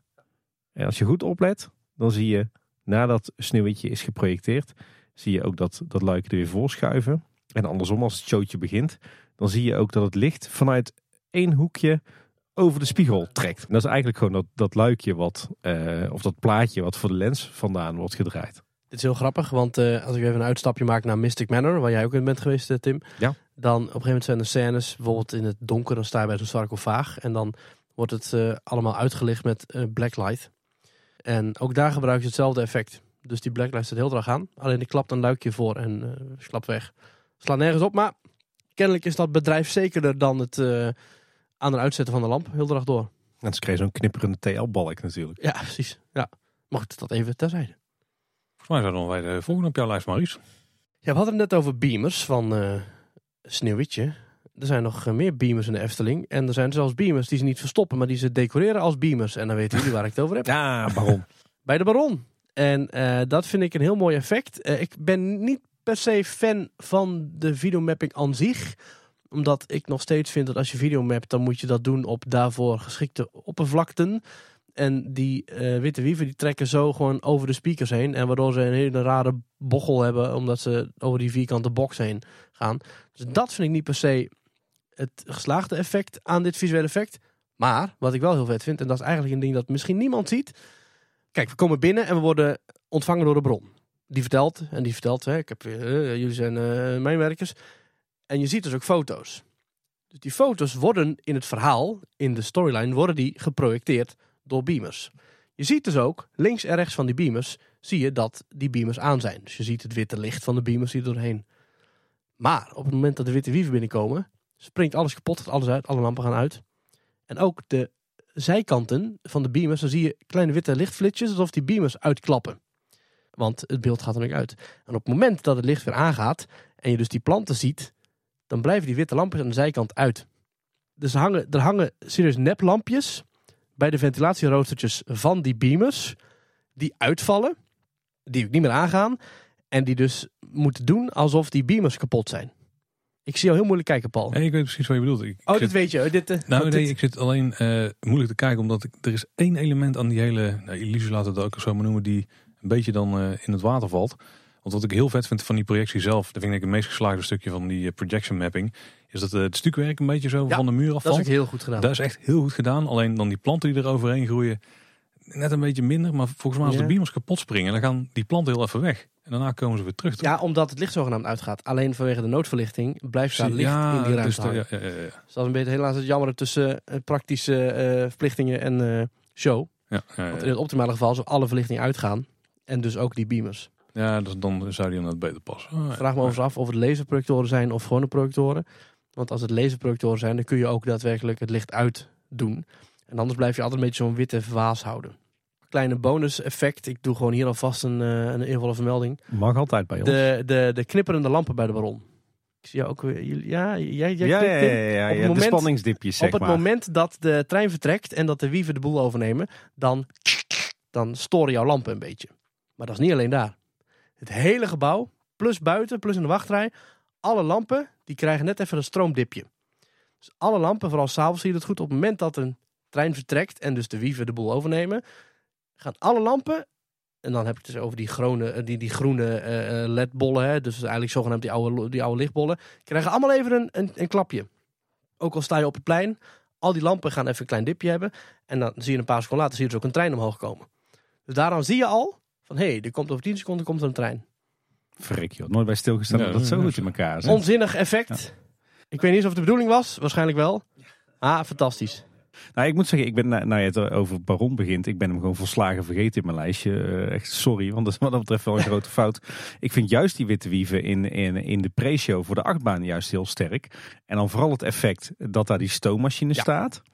En dat uit, volgens mij, moet ik even naar jou kijken, Maurice, of ik het ook goed zeg. Maar dat volgens mij uit een geklapte leiding stoom ontsnapt. En dat is daadwerkelijk dat waterdam, mist. Ja. mist. En daar, daarbij projecteren ze dan een wit wief die dus als het ware ja. uit die stoom ontsnapt. Uit die rook ontsnapt. Ja, dat, zie je ook in de tekening van Sander. Zie je ook dat zo'n wief ook uit die, die mistwolk zichzelf uh, ja, materialized, zeg maar. Ze doen nog meer grapjes met extra effectjes bij die... Uh, want op het moment dat een van die wieven de deuren van, de, van, de, van, de, van, dat, van die stoomcabine open doet... dan gaat de deur ook echt open. En de brandt een lampje achter, of zo echt, alsof daar ook echt de, de, de dame uitkomt. En Ode Baron helemaal in de voorshow. Het luikje waar ze uitkomen, dat lijkt daglicht te zijn. Maar ook als je s'avonds in de bron staat, dan nog lijkt dat daglicht te zijn. Dus ze creëren daar zogenaamd daglicht. Dan doen we er nog eh, twee, eh, twee duit in zakje bij de bron. Als je de lift opgaat en je komt bovenaan stil te staan, de remgeluiden die je dan hebt, ja. die, zijn, die komen ook echt super realistisch over. Want die zijn eh, zo fake als dat maar zijn kan. Wel uit speaker, denk ik. Ja, zo realistisch zelfs dat een van de man, mensen van BNM, de boel heeft stilgelegd. Omdat hij dacht dat die remmen echt verpiepten. ja jongens, stop, stop, stop, stop, stop. Dit klopt niet. Wacht even. En ze zei het nee, dat is een effect. Tweede ding is eh, die grote wielen. Ik, ik, weet niet hoeveel bezoekers doorhebben dat daar de buitenrand gewoon van stil staat. En dat alleen de spaken draaien. Geniaal. Ja. ja. Ook een gaaf effect bij de Baron. Welkom bij een kleine boodschap over de Baron. Uh, op die, moment... die, aflevering hebben we ooit ook al wel eens gemaakt trouwens. Hoor. Ja, op het moment, en ik weet niet of we ook dit hebben besproken. Op het moment dat ehm, dat je even een opstopping hebt. Dan sta je dus in de tweede ruimte bij de bron zelf. En dan draait hij weer terug. En dan zie je uit het hok waar zogenaamd wordt gewerkt, zie je een soort rode gloed komen. En dan zegt de baron ook, waarom staan de zeden op rood? Is er vertraging in de meenschacht? Dan, dan zie je dat hij echt zo naar binnen kijkt. Maar het, er komt echt rood licht uit die, uh, uit, die, uit die ruimte. En dat is zo goed gedaan. Want je denkt van, hè? Wat is er aan de hand? Die pop die loopt helemaal, die gaat helemaal terug. Dat slaat echt helemaal nergens op. Maar dat is zo goed gedaan. En dan is er van, wat? Trekt er zich een ploeg komp? Ik probeer ieder moment als ik de baron mag nadoen, doe ik dat. Dus ik trekt er zich een ploeg kompos terug? Vuige lafaard! En dan, maar dat is zo goed. En dan gaat ze een verhaal doen. Dat was een beetje jammer, want toen mochten we weer door. Maar toen ging ze een verhaal doen terwijl hij nog in die terugtrekmode stond. Dus ging hij dat verhaal doen in dat hok. Maar goed. Dus er gaat een daadwerkelijk een rode lamp aan, een rode gloed die dus hem zo belicht. Ja, dat is echt zo goed. Maar ik zeg ook, ook de kleine details. Ook het feit dat er beneden in het opstapstation een, lijst hangt met uh, de belcodes. Ja. er hangt natuurlijk een bel op de schachttoren. Hè, die, die wordt geluid. En uh, beneden in het station staat uitgelegd welke codes voor wat staat. Maar dat komt dus werkelijk overeen. Dus je hebt dus een bepaalde belcode die staat voor hè, stop de lift, uh, inderdaad. Ja, en in de tent. Ja, ja, en dat komt gewoon overeen. Ze gebruiken gewoon daadwerkelijk die ja, bijna morsecode. Ja, ja. Ja, alleen, ja, en dan heb je dat kleine kantoortje, hebben we nog niet eens over gehad. Ja, het is echt, die, die attractie is echt meesterlijk vol met details, echt geweldig. Die rinkelende telefoon, ja, ook die opstapbal, die is goud. Het is fantastisch, het is zo goed grammofoonplaat die daar staat te draaien. Die ook, stil, die ook stil komt te staan. Die, draait ook, die, die draait en op een stopt hij ook. Ongelooflijk. Wat een attractie. Maar waren we in vredesnaam gebleven, mannen? ik, ik had net mijn derde puntje besproken. Dan ben ik volgens mij aan de beurt. Ja. Uh, ik, ik, moet misschien een beetje vals spelen. Mag ik uh, een attractie meenemen die uh, er niet meer staat? Oeh, ga ik ook doen dadelijk. Dus ga je. Oh, oké. Nou, dan ga ik voor de, de bol van de Oosterse geest. Ja. Ja. Ja, hij staat er nog wel een klein beetje, maar dan in het, op het moment van opnemen in het een paar kilometer, uh, ja, een paar kilometer richting de bos. Nou, maar ik moet eerlijk zeggen dat dit dus ook zo'n effect was waarbij ik... Um, nou, hier zat ook meerdere lagen in. Dit is er eentje waarbij ik gewoon heb geaccepteerd dat, die, dat het gewoon zo was. Maar dat ik me nooit echt afgevraagd van hoe het dan precies in elkaar stak. Want ik dacht gewoon, ah ja, Bol, Pepper's Ghost. Maar dat natuurlijk uh, het gezicht verandert in een schedel. Daar heb ik nooit echt bij stilgestaan dat je daar twee Pepper's Ghost voor nodig had. En daar zit, en zeker met die pop, want als je meestal een Pepper Ghost hebt, dan heb je vrij duidelijk wel een ruimte van, nou ja, daar zit waarschijnlijk ergens de zwarte doos verstopt waar dan het effect in, uh, of hetgeen in staat dat je gereflecteerd ziet worden. Maar door de beperkte ruimte die eromheen is, uh, moet je ten eerste al nadenken van waar komt dan de Pepper's Ghost vandaan? Ja, waarschijnlijk van onderaf. Maar er zijn er twee. Dus eh, toen ik een tekeningetje zag, zeg maar, dat was pas het moment dat ik me überhaupt bedacht van, oh ja, tuurlijk, je hebt er twee nodig. Ja. Ik vind, het, ik vind het gewoon heel vet. Het, het is sowieso een sfeertje rondom het Oosterse geestenbelichting daar, die is klassiek Eftelings. Uh, maar het feit dat er nog zo'n effect in zit, gewoon al in de jaren 70 bedacht door een paar knappe koppen. Want toen gingen ze special effects op een grotere schaal toepassen. Maar er is dan nog zo'n ding erin heb gestopt. Ik heb me ook altijd afgevraagd van waarom zit die Oosterse geest in het spookslot? Want qua thematiek heeft het niet zo heel veel te maken met de rest wat we daar vinden. Maar misschien was het ook wel zo'n zo'n punt waarvan ze dachten van... Dit is gewoon heel vet. Dit, willen we gewoon doen. dus volgens mij is de, de Oosterse geest toch het, het allereerste decor-element dat klaar was. Ja, maar toen was de rest van de show misschien nog niet ontworpen. dit is een gaaf effect. Ik wens dit te gebruiken. ik kan me best voorstellen dat het zo is gegaan. Ik moet zeggen dat ik het dus nog steeds niet scherp heb. Maar volgens mij gebruiken ze één glasplaat. Dat was één grote glasplaat. Daar waar je in keek, zeg maar. En die je keek door de glasplaat heen, maar die heeft er niks mee te maken. Dan zat ongeveer een half meter daarachter zat een andere glasplaat die schuin naar boven liep.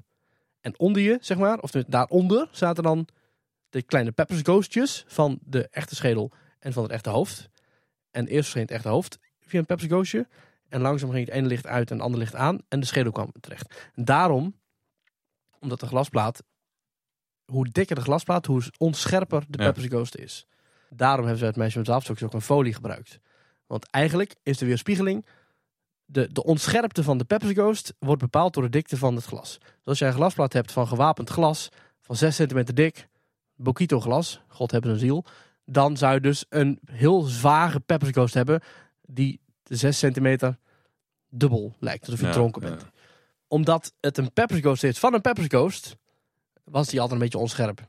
Dus de, vooral de schedel was altijd een beetje onduidelijk. Maar dat is wel hoe het werkt. Ja. Het is inderdaad een dubbele kleine Ghost die weer spiegelt in een grote glasplaat. En wat het effect nog wel wat extra uh, cachet heeft gegeven, zeg maar, recent, is dus die expositie in het uh, Noord-Brabants Museum. Want als je die poppen van dichtbij ziet, die koppen, die zijn zo gedetailleerd, echt gewoon onnodig gedetailleerd. Dan zie je nog veel meer enge hoofden hè, bij die uh, tentoonstelling. Zeker. Ja, de schermen specifiek. Ja. Ik denk dat we Spookslot misschien verder niet moeten bespreken. Want als ik hier naar de zijkant kijk, dan gok ik dat hij dadelijk ook nog langs gaat komen. hij, zij, zij staat natuurlijk op mijn top 5, ja. Misschien al op nummer drie? Nee. Oeh. Op nummer drie. Nou, eigenlijk heel saai, want uh, die hebben we al uit en daarna behandeld. Maar op nummer drie staat uh, bij mij uh, Het Meisje. Oh. Projectie van, of in Het Meisje met de zwavelstokjes. nou ja, jullie hebben het er al, al uitgebreid over gehad. Of wij hebben het er al uitgebreid over gehad. Um, ja, wat bij mij, wat, wat ik veruit het, het mooiste moment vind aan dit special effect is de, de, de uittreding van de, de ziel of de geest van het meisje uit haar lichaam. Dat vind ik van die hele projectie op die folie veruit het, het, het meest geslaagde, meest emotionele moment. Omdat, ja, eigenlijk, jij haalt het al eerder aan, Maurice, bij een ander voorbeeld. Maar je maakt daar eigenlijk gebruik van, uh, ja, zeg maar, het effect en ook de manco's van het effect om iets uit te beelden. Top, hè? heel goed, exact. Want dit is eigenlijk wat je niet wil. Je wil namelijk nooit dat de projectie samenvalt met iets fysieks. Want dan zie je dat je doorheen kan kijken. Dan zie je namelijk op hetzelfde moment en een appel en een peer. Dat kan niet. Maar nu gebruik je het juist om te visualiseren dat die geest uit haar lichaam trekt. En dat kan dan weer perfect. Ja, dat moment is wat mij betreft ook echt het, het absolute hoogtepunt van uh, dat sprookje. Um, kijk, die verschillende voorwerpen die verschijnen. Hè, het ganzengebraad en de kerstboom en zo. En die kerstboomlichtjes die verstrooien. Allemaal leuk. Dat neigt toch meer naar gimmick. Maar echt nou, dat vind ik niet hoor. Nee? Nee, het is een manier om het verhaal te vertellen. Ja, dat is waar. Het zijn natuurlijk gedachten van het meisje. Ja, absoluut. Nee, dat vind ik juist. Nee, nee, nee. Maar ik vind, ik vind dit moment vind ik wel met kop en schouders bovenuit steken. Absoluut, ja. Wat ik ook zo goed vind in die projectie, in die rook, dat op het moment dat zij het stokje omhoog houdt, dan zie je een beetje een licht, een rode gloed van het stokje in die wolk. Maar die wolk, die is daar niet. Dus ze hebben bij het maken al bedacht, oké, op welke hoogte zit die hand? Waar zit het stokje? Die zit daar. Dan is er daar ongeveer een rode gloed van het stokje. Dus dan moeten we daar ook een beetje dat, dat, dat die, die, CGI, die CGI-wolk moeten we een beetje rood kleuren. Ja, ja perfect. Ja, er zitten wel meer uh, mooie uh, details in. Hoor. Want wat denk je bijvoorbeeld van de, de snelheid waarmee het meisje uh, de zwavelstokjes afsteekt? Die varieert ook. Ze, ze wordt steeds gretiger en ze steekt ze steeds sneller af. Ja, nou, het zegt je. Niet alleen de, de tussenposes worden, worden kleiner, maar ook de kracht waarmee ze hem over de, het wegdek haalt en, en opsteekt, die verandert ook. en dat gaat ook mee in, die, in de projectie. Wat een leuk side effect is van, dit, van deze techniek dus op het moment dat het grootje verschijnt, spoilers, dus het, het, eh, als je helemaal naar voren buigt, dan zie je aan het plafond een enorm projectiedoek hangen. waarop alles wordt geprojecteerd. Nou, dat weerspiegelt in die folie, hebben we al uitgelegd. Maar op het moment dat het grootje wordt geprojecteerd, dat is zo'n vrij groot wit oppervlak. Die gloed van, die, van dat witte grootje, het is ook echt een heel rare zin dit, die daalt eigenlijk neer op het decor. Waardoor het hele decor net een tikje feller wordt verlicht. Ja. En dat past natuurlijk perfect bij het feit dat daar iemand uit de hemel naar beneden komt. Dus dat is misschien een ongewild effect. En ze zetten het volgens mij nog wel aan met wat extra lampen die dan ook aangaan. Met extra blauw en wit licht. Maar het feit dat grootje daar op dat enorme doek wordt geprojecteerd. Dat weerkaatst gewoon wit licht op dat hele, op dat hele decor. Dus dat is uh, ja, perfect. Ja, wat ik nog een mooi eh, klein zijstapje vind is uh, het feit dat het meisje dus uh, ademwolkjes blaast. Ja, die zijn echt. Die zijn echt inderdaad. Wat heel erg benadrukt dat, dat we dus in de vrieskou zitten. Ja, echt ook weer schitterend gevonden. Enige aandachtspuntje is toch wel de folie zelf. Want we zien nu dat op het moment van opnemen in ieder geval... dat die folie echt al een aantal jaar heel erg vies is. Met vlekken die er nog steeds in zitten. Dus die folie die, ja, die moet wel schoon blijven. Ja, dat is natuurlijk het probleem met zo'n folie. Dat plaats je één keer. Dan zie je het dan daarna nog maar eens uit dat decor te krijgen. Volgens mij is het decor van het meisje met zwavelstokjes... een van de strengst bewaakte gebieden... naast de centrale kluis van de hele Efteling.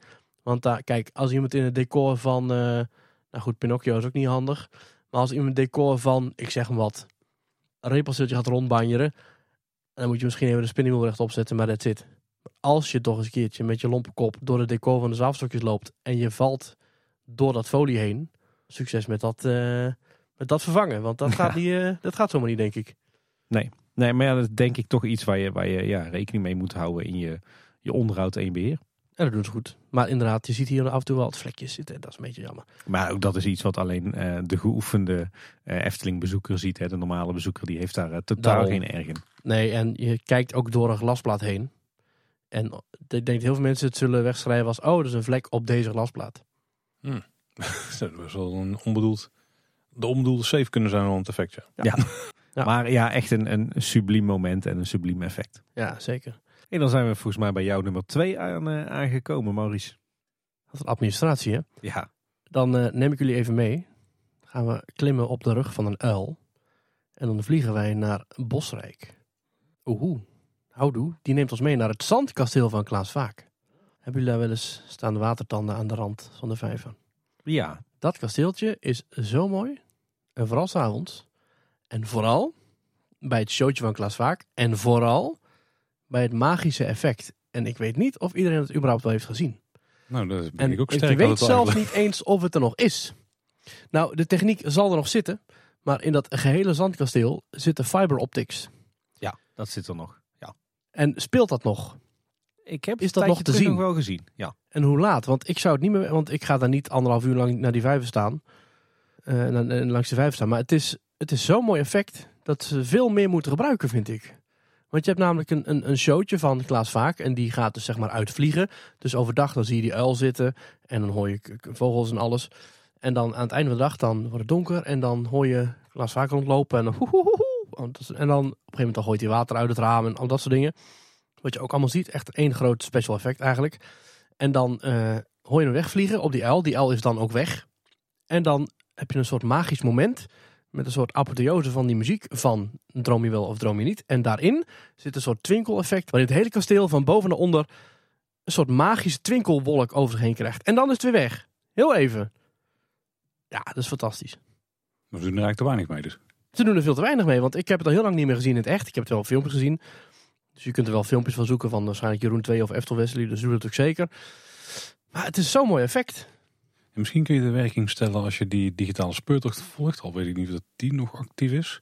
Want dan kun je helemaal aan het einde ook een showtje in werking oh, stellen. bij dat het, zou uh, mooi zijn, ja. kasteel. Ik denk dat de beste manier om hierachter te komen is gewoon naar Bosrijk uh, toe fietsen of lopen. En het daar bij de receptie vragen. Zou ze daar weten? Ja, zou ze het daar weten. Zou wel moeten toch? Ik weet het niet. Ik denk dat ze ook wel zoiets hebben van, nou goed, dat gaan we ze lekker zelf ontdekken. Want dat is een, een magisch, uh, magisch iets. Nou ja, op zich is een avondje op het, uh, een zomeravond op het terras van Oh. uh, het eethuis van Bosrijk is natuurlijk ook geen straf. hè? Zeker geen straf, nee. Ik denk niet dat ik dit effect ooit heb gezien. Ja, misschien overdag dan met het, uh, na, na die speurtochten. Want die hebben we al een keer gedaan. Ja. Maar dan valt het natuurlijk een beetje weg. Dan is het volgens mij alleen maar dat er water wordt gegooid of zo. Ja, dan heeft een luikje open of zo. Ja, dan borrelt wat water hè, en af en toe volgens mij wat mist over de vijver. Ja, Ja. wel een heel tof ding inderdaad. Heel mooi, ja. Ik heb daar toen rondgelopen bij de bouw. En ehm, toen was het echt zo'n, dat ik dacht van, oh, wat is het dan weer voor? Toen was het alleen nog maar eh, wat, uh, wat, wat ijzeren raamwerk. Maar het is tegenwoordig is echt een heel mooi, uh, ja, gebouwtje, ding geworden. Het is wel een beetje viezig, mag een beetje schoongemaakt worden. Maar ja, heel mooi, dat zandkasteel. Zat niet in de originele plannen voor Bosrijk. Hè? Pas vlak voor de oplevering van het vakantiepark hebben ze op het laatste moment nog wat wijzigingen doorgevoerd. Omdat ze toch uh, dachten van ja, het is allemaal misschien net wat te weinig Eftelings. Ja, ja, ja. Um, toen hebben ze onder meer ook uh, alsnog de serre aangebouwd aan het eethuis. Maar toen hebben ze ook uh, eigenlijk vlak voor opening ineens dat zandkasteel toegevoegd. Dat was helemaal niet het originele plan. Maar ja, Bosrijk was op dat moment toch iets te kaal, iets te veel Heimans nieuwbouw. En toen zijn ze naar dit soort dingen gaan toevoegen en de huisjes gaan inschaduwen. En alsnog het poorthuis, het eethuis van binnen heel Eftelings aan gaan kleden en af gaan werken. Goeie um, keuze geweest. Nou, echt vlak voor, voor de opening van Bosrijk. En jouw nummer twee, Paul? ik heb nog een flinke lijst, dus ik mag goed gaan kiezen. Nou, dan, dan ga ik voor een echte Sprookjesbos Classic. Oké. Okay. Ja, dat kan beter gewoon meteen melden, want het heel cryptisch genoemd wordt hier lastig. Maar uh, dat is uh, de vliegende fakir. En dan uh, het vliegen mm. aan zich. Ah ja. Dat is ook zo'n effect waarbij je op zich wel vrij vlot door hebt hoe het werkt. Maar toch, ook al sta je er af en toe goed naar te turen, dan het werkt gewoon wel. De manier waarop ze de draden verstoppen. Want de draden die, de, het zal voor niemand een verrassing zijn die luistert dat de vliegende fakir op draden naar de overkant gaat. Dus dat het tapijt er overheen glijdt. En, en die worden verhuld door, uh, door het feit dat daar een bepaald patroon op de achtergrond staat. Uh, wat een beetje, ja, het zijn niet echt baksteenschaduwen of zo, maar het heeft er wel iets van weg. Ja, het is een beetje alsof je rechte lijnen vanuit een bepaalde hoek bekijkt. En die zichtlijn is overgenomen op de stenen. Dus het is zeg maar een bepaalde hoek in een zichtlijn die ze hebben overgeschilderd. Ja, die, die schuine lijnen zitten er volgens mij wel heel bewust in. Omdat als ja, die kabels... ja, zeker, absoluut. Ja, het is precies in de, in de lengte, in de kijkrichting van de, van de kabels. Dus in de, het, het, het, het, het, hoekse, het stuk hoeks, hoekstenen. Daarin is de, de, de schildering heel raar gemaakt. Maar als je op de grond staat, is het precies uitgelijnd met de touwen van de vaakje. En het is ook wel grappig, want het effect is gewoon per ongeluk ontdekt. Volgens mij door Peter Reiners. Die uh, zag ergens stroomkabels tegen een uh, muur wegvallen. Met de kerk. In de, ja. Ja, Telefoonkabels volgens mij, ja. ja. In, tegen de, tegen de, het metselwerk daar. En daar is, daar is de inspiratie voor het effect vandaan gekomen. En daarna gewoon uh, nog beter toegepast in de Efteling, denk ik. En nogmaals, het is het, je, je laat jezelf er gewoon graag door foppen. Wat het mij wel een sterk effect maakt. Want nogmaals, al, al weet je waar die kabels zitten, je moet er wel echt goed naar kijken blijft sterk. Al die jaren. Ik heb hier dus als klein kind echt urenlang, voor mijn gevoel, aan het hekje gezeten. En gekeken hoe die op en neer ging. En dan helpt het ook nog wel dat die, uh, dat die bloemen zo omhoog komen. Zodat het ook wel uh, zo groot zeg Ook een goed effect. Als Disney dit had gedaan, hadden daar uh, gewoon 150 elektromotortjes per kant in gezeten. Waarschijnlijk wel, ja. Efteling had het iets effectiever opgelost. Ja. Ja, want die staat bij mij op de eervolle vermeldingen. Niet zozeer het, uh, het, uh, het, het tapijteffect, zeg maar, het vliegeffect van het tapijt. waarom weet ik niet. Ik denk omdat het uh, te overduidelijk was of. Misschien dat ik het daar over het hoofd had gezien. Maar die tulpen die omhoog en omlaag gaan, uh, die staat op mijn lijstje met eervolle vermeldingen. Juist omdat het ook weer zo'n heerlijk simpele Peter Reiners techniek is. Hè? Met eigenlijk gewoon twee bassins, twee waterbakken die je niet ziet. Want er ligt een plaat overheen. Waarbij het water van de een naar de andere bak wordt overgepompt. Waardoor de tulpen, die in feite niet meer zijn dan de, de kelk van de tulp met een stokje eraan. En een drijvertje. die zakken naar beneden als het water daalt en als het water stijgt, dan komen ze omhoog. Bij de renovatie van de Vaakje een paar jaar geleden hebben ze een heel mooi filmpje gemaakt. Waarin exact die techniek heel duidelijk wordt verteld.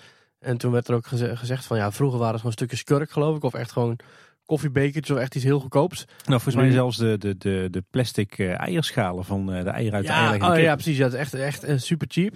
Ze hebben nu wel even net iets nog een beetje een slagje gemaakt in, in kwaliteit. Maar het, nog steeds, het hele effect werkt nog steeds. Ja. ja, ze zijn toen ook op zoek geweest naar een nieuwerwetse techniek om die tulpen uh, aan te sturen. En uiteindelijk, na die zoektocht, was ook de conclusie: nee, uiteindelijk is de, uh, de techniek van Peter Reinders uit uh, 1958, zeker even uit het hoofd, dat is nog steeds de best werkende, meest efficiënte techniek. Peter Reinders' way is the best way. echt super inventief hoe hij dit ooit heeft bedacht, want je moet er maar opkomen, weet je wel. Nou, moeten we nog verklappen hoe de, hoe de vaak hier omdraait? Met veel geweld, dat weet ik wel.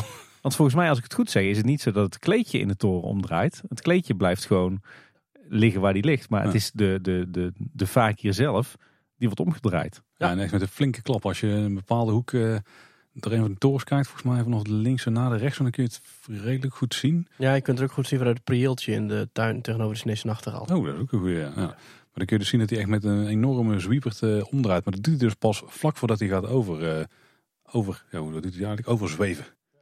Ik, ik dacht namelijk, zodra de deuren dicht gaan, dan draait hij op het gemakje rond. Maar nee, die deuren gaan open, dan woep, het ding omgegooid en dan gaat hij naar de overkant. Ik weet niet precies welk mechaniekje eronder zit. Dat dat Peter Reinders die techniek bedacht toen hij bij de kerk uh, die regendruppels zag zweven aan de telefoonlijnen. Doet me een klein beetje denken aan het feit dat Tony Baxter ooit in de wasstraat stond met zijn auto. Zijn dikke Amerikaanse hummer waarschijnlijk. En toen zag hij dus de, de wasborstels links en rechts van hem. Die gingen dus vooruit. Hij dacht, wacht even, Rijk, wacht, hè? I don't get it. En die techniek hebben ze later toegepast in Indiana Jones, in de Dark Ride. Want aan het einde staat jouw auto stil. Maar omdat je daar met een heel, heel parcours zit met, met 580 eh, autootjes, kun je natuurlijk niet achteruit gaan rijden. Maar het moet wel net lijken alsof jouw autootje achteruit rijdt. Jouw jeep die wegvlucht van die grote boulder, die grote bal. Dus hebben ze het zo gedaan dat die hele gang, die gaat eigenlijk van je af. Waardoor je zelf achteruit lijkt te gaan. Maar jij staat eigenlijk alleen maar stil. Doet mij denken aan Wereld 3 in het Spoorwegmuseum de, de comeback coaster. Daar heb je op een gegeven moment het, het effect alsof dat er een, eh, een, eh, een dieseltrein of een elektrische trein op je afrijdt. Mhm. Maar in werkelijkheid zijn dat gewoon twee, uh, twee houten platen met daarin koplampen van een trein. Mm, ja. die ze volgens mij steeds verder uit elkaar trekken. Waardoor het lijkt alsof de oh, trein naar je toe komt. Ja, ja, ja, ja. ja, ja. Zijn we toch een steltje nerds, hè heren. Zoals het hoort. Ja. Ja, en dan mijn nummer twee. Dan ga ik net zo vol spelen als jij, Paul.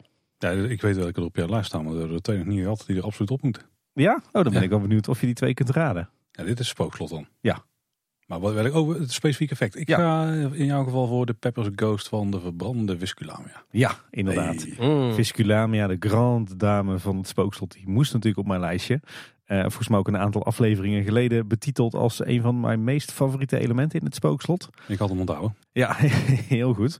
Um, ja, gewoon echt de perfecte Peppers Ghost. Omdat hier dus juist en fysiek decor en mechanische bewegingen en een Peppers Ghost en vuureffecten samenwerken. En dan wel op zo'n levensechte subtiele manier.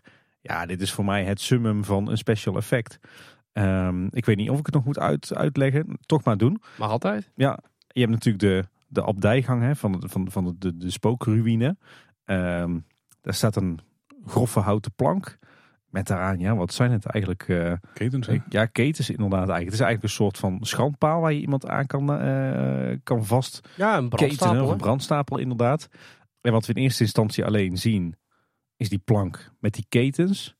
Um, en dan gaandeweg de hoofdshow verschijnt daar de peppersghost van Visculamia, de ongebluste, ongebluste jonge maagd. En op een bepaald moment in de show, dan, uh, dan vliegt de brand in de brandstapel. En dan zie je ook echt dat, dat de, de Peppers Ghost zeg maar een beetje uh, beweegt. Zij komt dan naar voren en ze gaat ook eens naar voren en naar achter. Wacht even Tim, ik pak even mijn NFT erbij. Daar kijk ik even live mee. heel goed, heel goed. Heb jij hem wel uh, kunnen weten te bemachtigen, zo'n NFT? nee, ik heb ergens in een oud schuurtje heb ik nog een uh, 3D-model liggen nu. Ja, ik dacht uh, NFT, ik doe niet aan mee. Maar ehm, op het moment dat die, die Peppers Ghost van Visculamia dus op en neer beweegt, een beetje in, in gevecht tegen de Vlammenzee waarschijnlijk, dan bewegen die, die metalen, of bewogen moet ik eigenlijk zeggen, want het effect bestaat natuurlijk niet meer, dan Oh. bewogen die ketenen bewogen op dezelfde manier mee. Maar allemaal heel subtiel, heel mooi. Eh, en die Peppers Ghost van Visculamia, die verschijnt, die verdwijnt, en die verschijnt weer en dan verdwijnt die weer. En uiteindelijk blijft de Peppers Ghost weg. En dan zien we toch nog dat vuur en die ketens die wat bewegen. En uiteindelijk vallen die ketens ook stil. En zien we alleen nog het vuur en dan gaat het vuur uit. En dan is Visculamia passé. Ja, ik vind dat zo'n mooi effect. In al, ook weer in al zijn finesse en, en simpelheid eigenlijk. Zo mooi de verschillende ouderwetse technieken gecombineerd tot, tot zo'n mooie illusie. Ja, toppertje. We toch het spookslot nog even aan het verafgoden zijn? Of ga ik dan, uh, maak ik dan nog wat gras voor jouw voeten weg, Paul? Nee hoor, nee. Maar, maar, maar de, de viool, dat is, uh, heeft, mij, heeft mij heel lang geduurd voordat ik door had dat er maar één viool is. Maar dat je hem twee keer kunt zien. Als je links in de, in de zaal stond, zag je hem rechts van je. En als je rechts in de zaal stond, zag je hem links. En dat hebben ze gewoon gedaan door één viool te weerspiegelen door twee glasplaten. Een soort driehoekspunt. Dus die weerspiegelen altijd in, in je blikveld. En of je hem dan links of rechts zag, dat lag aan de plek waar hij stond. Maar niemand zag hem niet. En dat is geniaal gedaan. Want hij was natuurlijk redelijk verstopt daaronder in die gewelven. Ja. Ja, fantastisch. Ja, hij hing ook in een, in een soort uh, enorme metalen constructie die ook nodig was voor de beweging van die strijkstok. Maar omdat hij helemaal in zwart was uitgevoerd, zag je die Ja. natuurlijk niet. Ja, ja, ja. Ik heb het tot jaar me erop wezen nooit bij stilgestaan dat, er dus, eh, dat ze de moeite voor hebben moeten doen om op twee plekken zichtbaar te krijgen. Je denkt gewoon Pepper's Ghost, je, daar zit je vanaf overal. Maar nee, deze is inderdaad niet hoe dat werkt. Maar dan wel die tegenwoordigheid van geest haha, hebben om dan één vioolmaat te maken. En die dan door twee glasplaten te laten weerspiegelen. Ja, Voor wrestling was het ook allemaal nieuw. En op heel veel andere plekken waar ze dit soort Pepper's Ghost gebruikten. Ja, daar, gewoon aardig bij de pink al hoor. Maar er was wel een, een plek, of een bepaald raam waar je wel duidelijk twee violen kon zien hè? tegelijkertijd. Helemaal eh, rechts. Dan zag je hem weerspiegelen en je zag de echte viool. Ja. Maar goed, dat is een kniezo die daarop let. Nou, als we toch bij Spookslot zijn, ik heb nog wel een paar eervolle vermeldingen hier dan meteen erin fietsen. Ik ook. Zullen we dat Ja. maar gelijk Ja, uh, dat doen we- dat doen we dan meteen. Ja, is, ik weet niet of het echt een special effect is, maar ik vond eh, gewoon de hele monniken en hoe die door de gang lopen. Het smeren animatronic ding misschien. Ja, een be- beetje van alles ook hier. Ja, Ook zeker met de kaarsjes eh, die er dan branden. En ook als dan de deur open gaat en die schaduwwerping niet hebt. En ook het geluidseffect dat erbij komt kijken. En hoe ze dan ook een stapje terug doen en zo. Gewoon die hele, dat hele, die hele sequentie, zeg maar, die vind ik gewoon goud. Dat was Ja. mijn favoriete effect uit de spookslot. Zoals we recent ook hebben besproken al. Ja, en mijn, mijn favoriete effect, eh, en of eigenlijk mijn tweede favoriete effect en tweede favoriete Peppers Ghost ook, is dan toch de geestencarousel. Ook echt subliem. En dan, eh, dan heb ik nog eentje bij het spookslot en dat is de, de donderslag aan het einde. Ah, ja. Je verwacht het al bijna niet meer, want iedere keer wat ik dus- dus had, ja, tenminste, daar bleef ik dus intrappen. Misschien omdat ik er eh, maar één keer per jaar in ging of zo, gemiddeld eh, vroeger. Voordat die eh, afgebroken ging worden.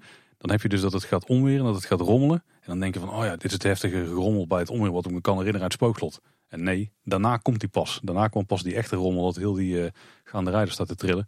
Vond ik toch wel eh, vrij indrukwekkend altijd. Zeker. En dan zijn er volgens mij nog maar drie effecten over, hè? want we moeten allemaal onze, onze nummer één nog doen. Ja, eh, mijn nummer 1, wat in principe niet per se mijn nummer 1 is, maar wat wel in mijn lijstje staat. En dat is misschien niet iets wat per se een bedoeld is als een optische illusie of als een, als een effect. Maar het is iets wat misschien wel het meest veranderlijk is van heel de Efteling. Het weer. Ja, nou, het heeft wel mee te maken wat je niet alleen s'avonds kunt bekijken. Wat de meeste mensen wel eh, prefereren s'avonds. Maar wat ik ook zeker overdag en ook 's ochtends, als ik dan eens een keertje op een blauwe maandag, s ochtends in de Efteling ben, heel erg kan waarderen. Eh, bij alle weersomstandigheden, bij alle standen van de zon, is het weer anders. Aquanura. Mm. Bij de eerste ja, eh, artist impressions zag je dus eh Fatum Ghana op de achtergrond met daarvoor die prachtige grote witte eh, nevelwolken van, van, Aquanura. Natuurlijk ook eh, ideeën hoe het eruit s'avonds zou kunnen uitzien met de verlichting, hè, wat de wet eigenlijk niet wilde. Want als je in Las Vegas gaat kijken voor Dubai is het alleen maar wit verlicht. Efteling wilde gekleurde lampen. Nou, uiteraard eh, eh, de loftrompet voor hoe Aquanura er s'avonds uitziet met de verlichting vanuit het water, vanuit de moving heads aan de zijkant. De verlichting door de vuurballen, de verlichting eh, op de bomen. De, hoe, de, hoe dat allemaal samenwerkt om één gigantisch spektakel daar te creëren, vind ik fantastisch. Eerste keer dat ik Aquanura zag, ik was helemaal blown away. En nog steeds, en dan zeker bij de eerste symfonie, ik vind het echt geweldig. Ik vind het zo'n mooi opgebouwde show.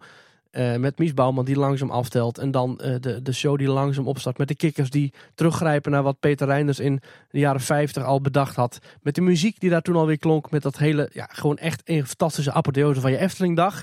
Is daar. Het is zo'n, nou, het, het, het kan niet anders dat heel Aquanura is bedacht door liefhebbers van de Efteling. Ik vind dat zo'n geweldig jubileumcadeau.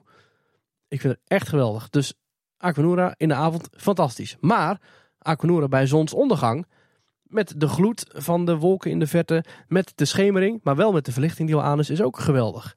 Maar ook als de zon in de middag of in de ochtend staat met regenbogen, is ook een fantastisch effect hoe dat dan weer, hoe je ook waar je ook staat op de vijver, overal zie je wel een, een, een, een, een, een gouden zonneglans of je ziet inderdaad een regenboog door zo'n nevelwolk heen komen. Het feit dat er hoge stralen worden gebruikt, maar ook lage eh, lelies. Het is allemaal perfect. En ik vind Aquanura ook ochtends hartstikke mooi. Ik ben ook heel blij dat die ook ochtends vaak aanstaat hè, als verwelkoming van je dag. Ja, ik kan me weinig eh majestueuzere ontvangsten in pretparken voorstellen dan dit. Nou, dat wilde ik net vragen, want jij hebt natuurlijk enorm veel eh, pret- en themaparken gezien op de wereld. Ook heel veel avondshows gezien, veel Disney-shows natuurlijk ook. Wa- Waar staat Aquanura ergens in jouw top 10 eh, avondshows? Ik vind Aquanura misschien wel, nou ja goed, eenvoud is niet per se het woord dat Aquanura typeert. Maar als je gaat kijken naar wat daar maar is, alleen maar fonteinen en verlichting en vuur. Je gaat kijken naar wat Disney uit die kast moet trekken, die komt met complete boten, met characters, met, met vuurwerk. Wat ook super tof is, maar met laserstralen en projecties wordt het niet per se een betere show. Aquanura is gewoon één grote lofzang op de Efteling. Met daarin gewoon subtiele hints. En, en in de muziek ook fantastisch gedaan door uh, Audiocult. En ook de, de verlichting effecten die meegaan. Die subtiel de rode paddenstoelen uitbeelden. Die subtiel een gouden bal vormen in de lucht. De, die, die de groene bossen uitlichten. Het is eh, één groot samenspel van licht en geluid en vuur. En um, daarin vind ik Aquanura misschien nog wel in mijn top 5 staan van shows wereldwijd die ik heb gezien. Ik weet dat heel veel mensen mij nu uh, ze zeggen, man, man, man, wat die vent, die, ja, vuurwerk is fantastisch, maar het is maar vuurwerk. Misschien is vuurwerk te veel een easy score? Ja, misschien een one-trick pony of zo. Maar goed, vuurwerk is ook weer een onderdeel van. Hè. Als je met Happily Ever After, dus een fantastische show in Magic Kingdom, geweldig. Fantasmic is fantastisch in, in, in Disney Hollywood Studios en Disneyland in, in Amerika en Tokyo Disney Sea. Dat is fantastisch inderdaad, maar het zijn vaak juist die combinaties van dingen en dan gaat Mickey toch net iets te vaak teruggrijpen op zijn classics. Die pakt dan even een, een hippe remix van Under the Sea. En dan, uh, dan vinden mensen het wel leuk. Ja, niet per se. Het is vaak die combinatie van dingen. En die combinatie van dingen doet Aquanura in mijn ogen heel goed. Ja, heel stijlvol. Heel, heel, heel stijlvol, precies. Gewoon een klassiek orkest, hè, groots uitgepakt. Uh, ja goed, misschien die versie van Guus Meeuwers hebben ze wel een zanger gebruikt. Maar voornamelijk zonder zang. Uh, ja, dat vind ik heel stijlvol inderdaad. Dat is misschien wel het woord dat, dat voor mij niet alleen Aquanura, maar ook heel de Efteling typeert. En ik kan me eigenlijk geen betere slotshow voorstellen en wensen dan wat we elke avond nu op de Vlonderplas voorgeschoteld krijgen. Ja, mee eens. En als die supershooters, of weet je die dingen? Ja, volgens mij wel. Als die afgaan, misschien nog wel een groter special effect dan uh, die boom die ik aan hadden, het Fabula. Nou, misschien wel. Ja. In ieder geval hoger. Zeker hoger, ja. Nog hoger dan die hamburgerdoos. Ook Aquanura had ik weer over het hoofd gezien in het lijstje. Ja, het is wel, het is wel typisch een special effect. Nou, het zijn wel heel veel special effects samen. Ja. Dus kijken of dat er dan uh, misschien een lijn zit in onze nummer 1. Nummers 1. Ja, nou dit, dit was mijn nummer 1. Ik ben heel benieuwd naar die van jullie. Nou, die van mij heeft ook met, uh, met water te maken. Oh. En uh, het, het, is wel, het is zeg maar echt het kerstje op de taart van wat daar in het geheel gebeurt. Maar het gaat wel specifiek om het kerstje. En er zijn de druppels die naar beneden vallen in symbolica als jij bij de fabelvisser mm. staat. Ik denk dat het een van de effecten is in de Efteling die de meest fysieke reactie opwekt bij de bezoekers zeg maar, van de attractie. Bij de Mhm. mensen die het ondergaan. Het is natuurlijk het moment dat de, de fabelvis naar beneden komt. Wat die tegenwoordig ook niet zo vaak moet doen. Maar het moment dat dat gebeurt is al een vrij indrukwekkend moment in die show. Die uiteindelijk gaat hij met zijn staart sweepen. Nou, die animatie niet helemaal kapot van. Het scheuren van het glas is wel uh, verbeterd in uh, de loop der tijd. Maar vooral dat daarna dan het water gaat stromen aan de rand daaronder. Maar vooral dat er dan een paar van die druppels nog op de wagentjes zelf vallen. Dus op de mensen zelf. Ja, iedere keer als erin zit, dan zit ik gewoon genietend om me heen te kijken hoe die mensen allemaal van... Huh, wat? wat gebeurt er allemaal boven me? Iedereen die kijkt even, waar, waar, waar komt het vandaan? En de, de gewoon zo'n super simpel effect. En de manier hoe dat dan daar in die scène uh, ja, zijn effect heeft op de bezoekers. Dat vind ik gewoon super vet. En daarom, uh, dit was wel mijn nummer 1. Ik heb hem dus ook mooi kunnen bewaren tot het einde. Nice. En uh, nou, ik vind het een hele toffe. Ja, ja ik snap je helemaal. Uh, mag ik er dan een eervolle vermelding nog snel even tussendoor schieten? Ik heb er in Symbolica wel wat meer zitten nog. Maar... nee, het heeft niks met Symbolica oh. te maken, maar wel met water vanuit het plafond. Oké, okay, vertel. Wat ik een heel gaaf effect oh, vind is mag de... ik gokken? Ja. De lekke tuinslang van Lex? Ja, de regen in het Ja. Oh, ja, ja, ja. Zo fenomenaal om in een dark ride binnen in een gebouw het te kunnen laten regenen. Echt fantastisch. Ik heb volgens mij ook nog nooit in een ander park gezien regen in een dark ride scène. Vliegende Hollander. Maar Ja. Oké, we weten allemaal hoe dat is afgelopen. Maar inderdaad, er is daarboven eh, in het dak gewoon een, net gespannen. En er ligt inderdaad een lekker, een lekker tuinslang op die een beetje druppelt. Maar het, het, het geeft een fantastisch levensecht regeneffect in die scène. heel misschien Pirates of the Caribbean, waar er een water, een soort nevel wordt eh, over je boot heen wordt ge- geblazen als je in de stormscène zit. Maar dat is niet echt een regenregen. Het is geen indoor regen, zeg maar. Ja, dat vind ik ook wel een heel gaaf effect. Wat daar natuurlijk perfect Ja? past in zo'n zompenwoud. Overigens mis ik nog wel een beetje, Paul. Ik dacht dat je dat toch ging zeggen. Bij die scène die jij nu aanhaalt, heb je wel eens op je schermpje gekeken op dat moment. ja, daar vallen ook druppels dan op. Hè? Er worden digitale druppels toegevoegd aan het schermpje van je fantasievader. Op het moment dat die vis het raam kapot... eh, Ja, jij zegt het en ik weet dat het gebeurt, maar ik heb het dus nog nooit gezien, want ik zit altijd om me heen te kijken Ja, hoe de mensen ik. reageren. Dat is heel goed, maar probeer toch een keertje je blik. Zet even je oogklep op en kijk alleen naar het schermpje op het moment dat die vis eh, in actie komt. Maakt het wel af inderdaad, ja, heel vet. En dan rond ik, rond ik mijn eh, top 5 ook snel af. Eh, dan kunnen we door naar de andere eervolle vermeldingen. Volgens mij gaan we gewoon alle effecten in de Efteling bespreken uiteindelijk. En dan gaat die zandkorrel. Nou, laat ik alvast dan zeggen, Tim, dat is vrij onmogelijk. Ik heb de redactie nog om input gevraagd de afgelopen week. Van eh, zorg even voor een lijstje, dan weet ik zeker dat ik niet dingen over het hoofd heb gezien. Maar eh daar bleven maar items op verschijnen. Dus Ja. ik denk dat we zeker niet alles gaan noemen vandaag. Hey, maar jij zei net dat je mijn nummer 1 wel kon raden, toch? Villa Volta. Ja, hoe wist je dat? Omdat je dat hebt gezegd toen we net Villa Volta bespraken. Dat is sprake gekomen. Zo, het, het is al laat op de avond eh, hier in de studio in Kaatsheuvel. Nou ja, inderdaad, mijn, nummer, eh, mijn absolute nummer 1 zonder twijfel is eh, een heel klassiek special effect. Wat ook volgens mij al bestaat sinds begin 20e eeuw, of misschien wel de Haunted Swing. eind 19e eeuw. Ja, inderdaad de Haunted Swing. Ehm, wat in de Efteling gewoon tot in de finesse is uitgewerkt. Absoluut. En ja, wat mij betreft gewoon het special effect van het hele park. Omdat er gewoon een enorm fantastische il- illusie wordt opgewekt. Met die, die eeuwenoude techniek. Plus eh, muziek, plus verlichting, plus decors. En eh, ondanks het feit dat die attractie alweer uit 1996 stamt. Dat er nog steeds volkstammen zijn die geen flauw idee hebben wat er gebeurt. En ik, ik ga heel graag in Villa Volta. Staat bij mij ook absoluut in de top 3. Ook bij de, de kinderen gelukkig. En ja, ik ben er dol op als ik dan toch in die hoofdshow zit om om me heen te kijken. Eh, allereerst natuurlijk even te kijken hoe de kinderen eh, erop gaan. Maar die, eh, die vinden het hartstikke leuk. Die zien het als een soort kermisattractie. Maar om dan vooral te kijken wat, ehm, wat andere mensen ervan vinden. En het verbaast me nog steeds dat heden ten dagen gewoon de, de, de grote massa echt bang, verschrikt, verbaasd om zich heen zit te kijken van wat gebeurt hier. En dat nog steeds als je naar buiten loopt uit die attractie, dat er massa's mensen zijn die allemaal, ja nee het werkt zo, het werkt met spiegels, het werkt met, nee het is allemaal nep, eh, projecties. Allemaal onzin. Mensen snappen het gewoon nog steeds niet. En ja, dit is wat mij betreft gewoon een, een fantastische, klassieke illusie die hier wordt gewekt. Dat is natuurlijk ook het mooie van die opstelling van de banken, dat je naar elkaar kijkt. Ja. Net als in de halve maan. Je ziet, je ziet het lijden van je medepassagiers. Dat is heerlijk. En je had het inderdaad over die Haunted Swing. Dat is natuurlijk een extreem versimpelde versie Ah, van... ja, ja. eh, Of eigenlijk is Villa Volta een dolvertaling Ja, ervan. een extreem eh, luxe versie daarvan. Ja. Ja. precies. En dan zie je inderdaad, ze hebben echt een eeuwenoude eh, techniek.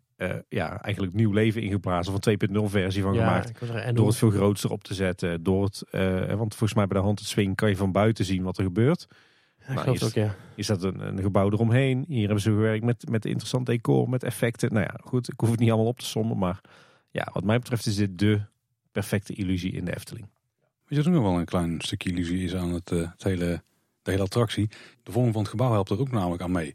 Want eh, omdat je de voorkant van het gebouw, echt het, het, het, beeld wat we met z'n allen kennen. Dat is natuurlijk niet waar eh, de trommel zelf in zit. Die zit in een stukje wat er net achter zit, wat iets breder is. Maar door die verspringing, die je eigenlijk niet echt opvalt, lijkt het net dat in dat kleine voorstukje, dat daar die trommel in zit. Ja. Dat, dat dat de huiskamer is waar je in zit, zeg maar. Waardoor als je buiten staat en je staat er nog eens aan te kijken, dat je denkt van ja, maar dat draait, dat kan helemaal niet draaien. Of het, het, het helpt Ja, een beetje ja, mee ja, aan ja, die ja. illusie eh, Oh. nog in ere houden. Wat ik een van de gaafste dingen vind in de hoofdshow is toch wel dat zelfs de gordijnflosjes zijn opgesteven en, eh, en eh, recht naar beneden blijven hangen. Ondanks dat, dat de kamer op zijn kop gaat.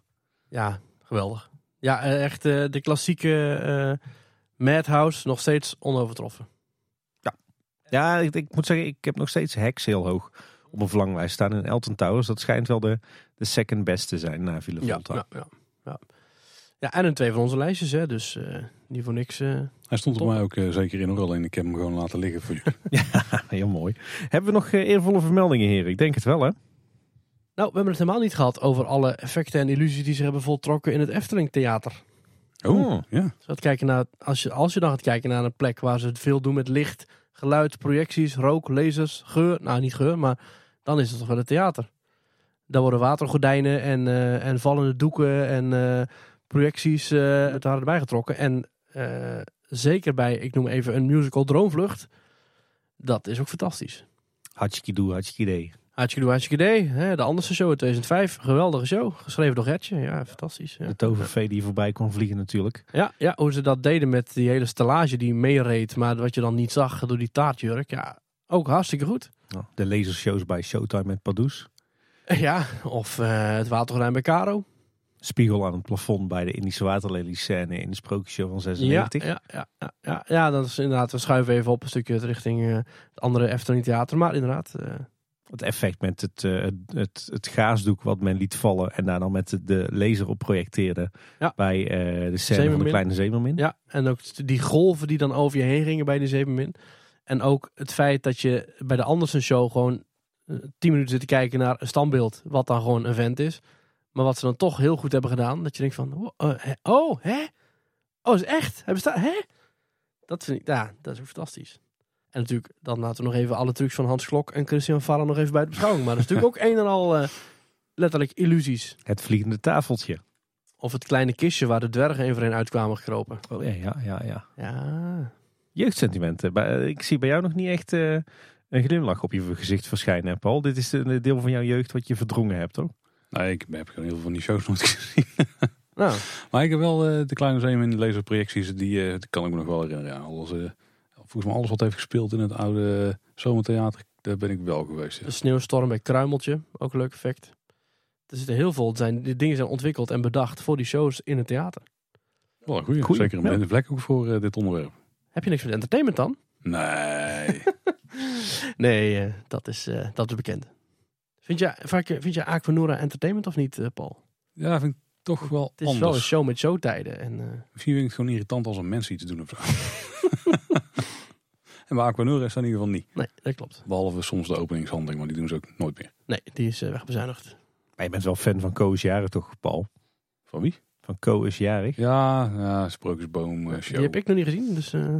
Aanrader. Maar we dwalen af. Ja, Erik is nog niet uit genoeg, joh. Dus ik ontspring nog even de hand. Dat gaat niet lang meer duren. Heb je nog meer eervolle vermeldingen op jouw lijstje, Maurice? We hebben hem niet echt in ons lijstje gezet. De classic uh, Pepper's Ghost in de Efteling. Ik vind nog steeds tafeltje dekje. Ja, we hebben hem al even besproken, maar hij is niet officieel in ons lijstje verschenen. Maar uh, toch uh, credits voor Henny Knoet, denk ik. Die tafeltje dekje heeft ontworpen. En daarin wellicht ook de Pepper's Ghost heeft meegenomen. Hij staat bij mij ook op een eervolle vermeldingenlijstje. Ja. ja. En het is met name ook daar de, die dubbeling. Hè? Dus dat je en het eten hebt, maar ook dat het verschijnt met die twinkels, zeg maar. Ja, ja, ja. Die, die combinatie, die weet wel lekker. Hm. Ik vind hem een beetje matig. Hij is me net iets te, te wazig. Ja, en, de, uitwerking, de uitwerking kan beter. We moeten er een dikkere bouwlamp opzetten. Dan is het beter, dat klopt. Ja. Weet je wat ik eh, daar nog veel toffer effect vind in de herberg? De knuppel. Ja. En vooral omdat hij twee dingen doet. Hij begint te, te slaan op het moment dat in het tafereeltje, in het showtje, dat uh, knuppeltje uit de zak wordt, uh, wordt, wordt aangehaald. Heel tof, die wisselwerking. Maar ook op het moment dat jij binnenloopt in herberg de Eersteling en de, de sensor detecteert jou, dan gaat de knuppel ook wild op en neer. Ja, Echt heel gaaf. En sowieso tof dat hij in dat sprookje zit, want hij komt eigenlijk uit het Sprookjesmuseum, wat we nu kennen als het huisje van vrouw Holle. Daar hing hij naar binnenkomst rechts aan de wand. En toen hij daar hing, toen begon hij te kloppen als jij het traliewerk aanraakte. Mm, ja. Waar hij in zat. En dat had dan weer volgens mij weer te maken met een klein stroompje wat werd uitgezonden. En als je dat dan vastpakte, dan lekte er wat stroom weg. En dan wist die knuppel, ik moet gaan, uh, gaan slaan. Zoveel dingetjes die Peter Reinders en zijn opvolgers allemaal hebben bedacht. Wat ik ook een leuk effectje vind. Als ze ietsje verder lopen naar Assenpoester. Ja, het is niet de meest. Het sprookje wordt niet de meeste. Uh, niet, de meeste fans vinden het volgens mij niet helemaal geslaagd. Maar uh, wat ik heel leuk vind aan het einde is als die duif naar beneden komt zetten. Eerst zie je hem vliegen en daarna wipt hij zo de vensterbank in natuurlijk een andere duif, andere, andere pop. Oh, oh spoiler. Mooi, wel mooi samengewerkt dat alsof die duif echt naar beneden kan vliegen en er even komt zitten. Ja, ik vind dat toch leuk. Ja. Als we nog een paar classics noemen, de rode schoentjes, het dansen daarvan. Ja. Ja, ja echt classic. Uh, en wat ik zelf ook nog wel een, een tof vind is uh, langnek. Ja. Die nek gaat gewoon zo schandalig ver omhoog dat je op een gegeven moment denkt van, oh ja, ja, ja nu is ze gewoon uh, zo ver als die, die nek in, de, in de rots kan steken waar ja. die op zit. Maar dan gaat hij daarna nog een paar meter verder omhoog. En vooral dat, dat stukje is gewoon vet. En de nek zelf draait niet. Puur het hoofd dat heen weer beweegt. Ja, dat kun je goed zien als je daarachter bij de kleine zeemeer staat. Dan zie je die, die, loop, die looprail op de achterkant van de nek geplakt. En daardoor zie je dat die stationair blijft. Dus dat de nek niet heen en weer draait. Dat is alleen het hoofd. Als we trouwens het toch hebben over die knuppel die dus eerst in het Sprookjesmuseum hing, dan moet ik eigenlijk nog wel een, een eeuwenoud, bijna eeuwenoud uh, effect aanhalen. Wat dachten jullie namelijk van de voorloper van de toverspiegel? Die daar in, het, uh, in de ruimte achter in het Sprookjesmuseum In en uit uh, ja, waar, Ja, waar je dus eigenlijk... Je, je moest, als ik me goed weet te herinneren, moest je op een trapje gaan staan. En dan kwam je met je hoofd, keek je door een cirkel heen in het hekwerk, in de spiegel. En dan werd je op de een of andere manier gedetecteerd. En dan hoorde je inderdaad uh, een, een vertelstem. Begon die spiegel ook uh, licht te geven, hè, de rode lampjes eromheen. En dan vervormde dat spiegeloppervlak. Heel tof. En hij hangt nu, as we speak, terwijl we opnemen, in het Noord-Brabants Museum. Techniek is weer werkend gemaakt. En ik zag nu dus pas weer, nu dus eigenlijk pas voor het eerst, hoe dat die techniek werkt. Want wat ze doen is dat het eigenlijk gewoon een, een plaat met een spiegelend materiaal uh, is. Volgens mij gewoon aluminium of zo. Uh, wat ze gewoon bewegen, die trekken ze naar voren en naar achter. Heel gaaf gedaan. Ook echt zo'n uh, Peter Reinders effect. Klein onzin effectje in de bakkerij van het Lavenlaar. De taart die in en uit de oven wordt geschoven, die inzakt oh, ja. en weer omhoog reist. Ja, zeker goed. Ook heerlijk onnodig, maar toch echt leuk. Of de snor die een beetje omhoog wordt geblazen. Ja, dat vind ik altijd een beetje een raar effect. Want je hoort nou net iets hard die compressor. Maar goed, dat zal aan mij liggen. Weet je wat trouwens wat mijn nummer 6 was, die net van mijn lijst af is gevallen? Nou? De trappartij in de voorshow van Symbolica. Oh, ik dacht de trappartij van het lachhuis. nee. oh. oh, die is mooi. Die is mooi. Als we niemand nodig hebben om het eh, opnieuw in te spreken, mochten ze het weer kwijt. Ik heb cola gedronken, dus ik kan ook nog even een goede boer eruit. Uh, maar laten we dat even niet doen. ja, we hebben een stemkunstenaar aan tafel. Nee, maar dat vind ik dus een, een ja, heel... symbolica. Een heel recent effect wat echt... Ja, en natuurlijk als je die voorshow een keer hebt gedaan, dan, dan, dan zie je hem aankomen. Maar de allereerste keer in de voorshow van Symbolica wist ik niet wat ik zag. Want ja, wat doet iedereen die die ruimte binnenloopt? Die denkt van, oh, we moeten hier rechts door het deurtje naar de volgende ruimte. Of we moeten omhoog. Ja. Langs je pop. En ineens uit het niets, want je kunt het echt niet zien als je het niet weet, barst ineens die, die trap open en, en, en schuift die aan de kant mooi ondersteund met lichteffect en rook en, uh, en uh, tovertwinkels natuurlijk. Ja, ik vind dat echt een super gaaf effect. Deze, je, hoort ook, uh, je hoort ook iedere keer het aanwezig publiek hoor je, oh ah. Maar ik heb ook het idee dat dat een beetje enthousiaste abonnementhouders zijn die hun kinderen porren. Zo van, oh wat magisch hè, Jantje? Dus ik weet niet hoeveel, hoeveel verbaasde oors en azen zijn en abonnementhouders die hun kinderen... Eh, ik, wat ik me dus altijd bij dat effect afvraag, want eigenlijk opent hij net iets te laat of zo. En je ziet, ook, je ziet hem ook alvast een paar millimeter zo een beetje loskomen. En dan schuift hij open. Als ze dan nog een keer heel strak kunnen krijgen, zo echt vet zijn, dan maakt het verrassingseffect, of de spontaniteit van het effect wat, wat beter. Waar ik daar zelf echt het, uh, buiten het feit dat die trap open gaat, gewoon die hoeveelheid rook die ze dan even naar binnen blazen. En die lampen zo achter is ook heel vet. En als je dan ook goed oplet of je bent heel laat, loop je pas die ruimte uit. Dus zie je ook daar nog uh, klepjes dicht gaan uh, waar alles uitkomt. Ja, of je blijft staan hè. Je blijft gewoon staan in de pakt en je gaat, je gaat naar, door de trap heen. En je blijft staan als het hek weer dicht doen. Oh, dan zie je ze trap dicht doen. Zie je op een gegeven moment die luikjes open gaan. Dan hoor je natuurlijk de voorshow. Je hoort door die deur heen hoor je van eh, nee, nee, nee. En dan op een gegeven moment dan gaan die klappen, die luikjes, die deurtjes open. Die felle blauwe lamp die gaat branden. Rook wordt gespoten. En dan zie je gewoon letterlijk hoe achter schermen die show zich voltrekt. Dat is wel een goeie. Moet een keer doen. Wat trouwens ook heel vet is daar, is dat uh, de geleiding zeg maar, waar die trap overheen rolt, want er zitten natuurlijk wielen onder. Dat het er dan uh, versierde. Dat het, ook in thema. Ja, in thema uh, zijn het eigenlijk siersporen of zo, nee, moet ik het noemen. Van die Eftelingse krullen die daar in de vloer zitten, waar dan voor een deel die trap overheen rijdt. Ook weer slim meegenomen. Zoals we volgens mij een hele aflevering over de Baron effect kunnen maken, kunnen we ook een hele aflevering vullen met alleen maar symbolica special effects. Met inderdaad hoe de tovertwinkels door de ruimte heen vliegen tot kleine effectjes van borrelende bubbeltjes inderdaad, of die druppels op het schermpje. Ja, geweldig. Nou, ik vind het bladerende boek bijvoorbeeld ook een heel tof effect. Ja, ja, ja, ja, En wat ik visueel ook heel vet vind is uh, die, ik weet niet wat het precies is, maar die, die, draai, die, die verschillende draaischuitjes over elkaar gaan, waardoor je die patroonvorming dat krijgt. De muziektour als je inderdaad richting, ja, of de diamant zelf die daar in de lucht hangt, hartstikke mooi ook. Symbolica is het ook uh, zeker goed. Ook heel tof daar dat ze daar dus naar praktische special effects hebben teruggegrepen. Wat ik ook heel slim vind, is dat je hebt daar overal gordijnen hangen. Van de Wonderdepot, ja iets met fantasie en depots en wonder en magie. Maar goed, uh, daar zie je boven je zie je allemaal gewelven. En daar hebben ze spiegels in gehangen. En daaronder hangen gordijnen, zodat je zelf niet in die spiegels ziet. Maar het lijkt net alsof die onder die, achter die gewelven, alsof het nog heel ver doorgaat. Maar dat is niet zo, want het zijn spiegels. Dat is een slimme, ja. ja. Ja, wat een uh, top 5 van speciale effecten allemaal niet kan uh, veroorzaken. Ja, 25 per persoon. Maar... We zijn er nog niet helemaal, denk ik. Nou ja, want als we in de buurt van Symbolica zitten, heb ik nog wel eentje die ik graag aan wil halen. Want uh, het liefste zien we, zien we in uh, pretparken als er vuureffecten zijn natuurlijk gewoon vuur gebruikt als effect. Maar het qua vaardigheid niet altijd te doen. En uh, een van de beste nepvuurtjes die ik denk in de Efteling ooit heb gezien, misschien wel, op, nou, misschien wel overal, is het vuur in de kookstoof van Polders Keuken. Als hij doet. Want ook dit is volgens mij een effect dat het al een ja, tijdje niet meer Een klein beetje rook inderdaad. Ja, er spuit daar een beetje rook in die ook vrij snel vervliegt. En daar schijnt op een bepaalde manier een lamp in. En ik heb daar echt gewoon op een gegeven moment zeker een minuut staan kijken van... Hoe doen dit? ziet wel heel erg goed uit, zeg maar. En het helpt dan ook dat het in een kleine ruimte is en die deurtjes gaan open en dicht en zo. Maar dat vind ik wel een van de betere nepvuureffecten die ik ooit heb gezien. Doet mij meteen denken aan twee enorme afknappers op het gebied van nepvuur.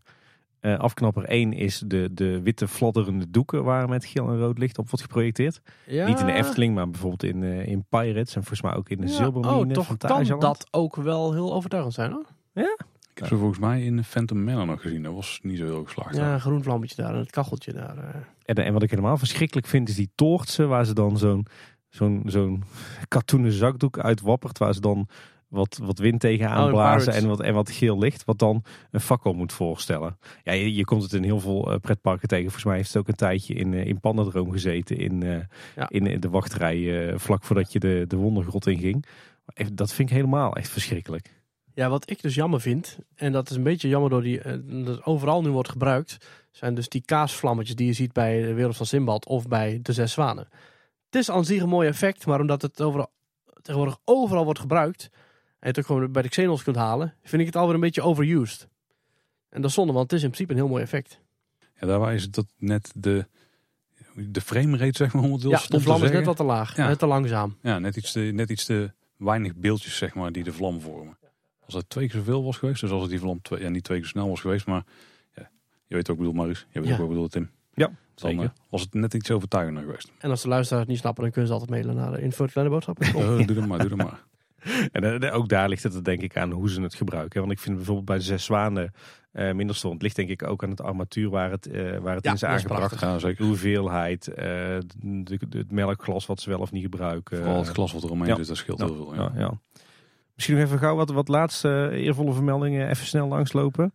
wat ik zelf nog een hele mooie vind is... Ehm, de, de, de letters uh, Ravelijn, die met behulp van glasvezel ja.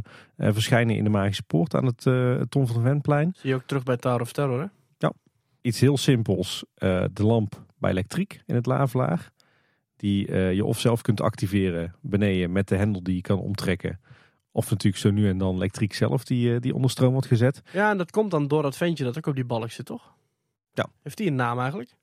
Waren dat ook niet, uh, niet broertjes elektriek of zo? Ja, ik Broers elektriek, volgens mij wel. Ja, je hebt gelijk inderdaad. Dat, dat doet hij niet zelf, maar dat zijn uh, zijn maten die inderdaad daar op de balk zit. En wat ik ook heel tof vind, zijn gewoon de ouderwetse schimmenspellen. Bijvoorbeeld in Fata Morgana, in de markt. Bovenin uh, zie je twee heren met elkaar koffie drinken of thee drinken en, en praten. Of die projectie bij de kleren van de keizer. Ja, dat is ook een hele mooie. is een projectie, maar wel van een, sch een schimmenspel. Of een meisje met de zwavelstokjes. Ja, inderdaad, het meisje met de zwavelstokjes. Waar, uh, Jokie en Jet. Ja, die iets minder misschien.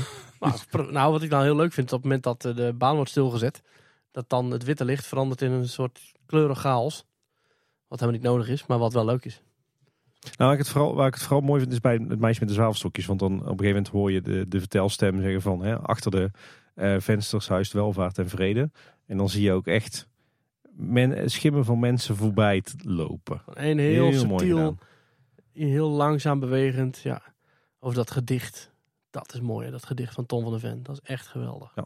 Maar geen special effect. Maar geen special effect. Maar wel heel goed. Even twee die ik nog wil aanhalen als laatste dan. Eh, de brandende smokkelgang bij eh, de Vliegende Hollander. Als hij compleet werkt met geur, en rook, rook. En het geluid hard staat. Ja, dat is een hele, blijft een toffe. En uh, eigenlijk eentje waarvan je zou denken, die hoort niet echt in de Efteling thuis, want het is een projectie. Maar de, de verdwijnende, ja, de Fata Morgana eigenlijk, een Fata Morgana, zodra je binnenkomt. Ja. En de reden dat ik die wel sterk vind, is omdat je daar niet heel goed door hebt dat het een projectie is. Dus de manier waarop die is weggewerkt in de achtergrond, qua eh, helderheid en saturatie van het beeld en zo zeg maar, dat past, dat, het is gewoon net dat er een schildering is daar, die dan verdwijnt. Uh, die ook op een hele mooie manier verdwijnt trouwens. En uh, waarbij het beeld dat achterblijft ook gewoon, ja, het is net dat het gewoon zo hoort. Zeg maar. Heel tof. Geen overduidelijke projectie. Wat ik trouwens ook nog een tof effect vind, is de put van vrouw Holle. Um, ik weet even niet of dat op dit moment ook zo wordt geprojecteerd. Maar er is een tijd geweest dat die projectie werd geprojecteerd alsof dat die in het water. Ja, zo'n waterrimpeling. Ja, die waterrimpeling. Ook goed bedacht dat de beamer, die staat gewoon in die grote ton daarnaast. En die wordt gewoon simpel weer spiegeld met een klein spiegeltje. Dus er hangt geen beamer in de put zelf. Dat vind ik dan wel mooi hoe de techniek dan zit. Ja, zeker. Ja, en als ze dan toch in die hoek zitten, natuurlijk die kleine vuurvliegjes hè, die je daar om de hoek hebt hangen. Ja. In het donker goed te zien. Ja, die had ik wel bij jou verwacht in. De motjes bij de Chinese nachtegaal. Motten bij de Chinese nachtegaal, ja. Wat denk je van? Maar goed, nou komen we weer meer op het snijvlak van speciale effecten en details. hè? Want wat doe je dan met alle kattenoogjes?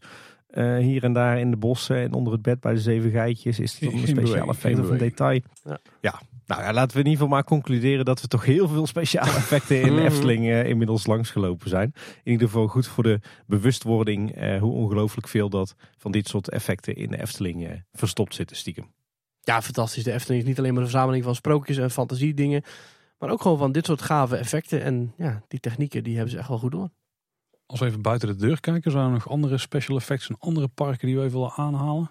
Oeh, don't get me started. Ja, Mystic Manor, fantastische verzameling van ook dingen dat in de eerste ruimte waar je komt, dat dat exact dezelfde ruimte is als aan het einde. Maar het is een andere ruimte, dus die is precies hetzelfde nagebouwd. Alleen dan is dat, kom je daar alsof je zogenaamd in de eerste ruimte komt. Fantastisch gedaan. Uh, sowieso dingen met hoe ze daar projecties toepassen op fase die tot leven lijken te komen. Uh, de staring busts, hè, die je daar ook hebt in Mystic Manor, maar ook in Haunted Mansion, ook in Phantom Manor. Alsof die echt je lijken te achtervolgen. Uh, projecties van schaduwen, subtiele dingen. ja, dit is echt. Ik weet niet hoeveel uur nog de tijd hebt, maar dit, ja. Nou, wat, wat ik, ik vond, ja, wat ik in, in Mystic Manor heel mooi vond. Eh, zijn, zijn, is die, zijn die twinkels daar, die, die lasers. Dus hè, het, het Albert, die, die, of eigenlijk de, de magische muziekdoos, of de betoverde muziekdoos, die brengt de, de collectie van Lord Henry Mystic tot leven. En dat gebeurt iedere keer met een soort wolk van, wat is het, fairy dust of twinkels. Ja. En dat zijn dus die laserpuntjes die, ze, die de Efteling later ook eens gaan gebruiken in Symbolica. Nou vind ik ze in Symbolica subtieler, uh, in aantal en in kleur.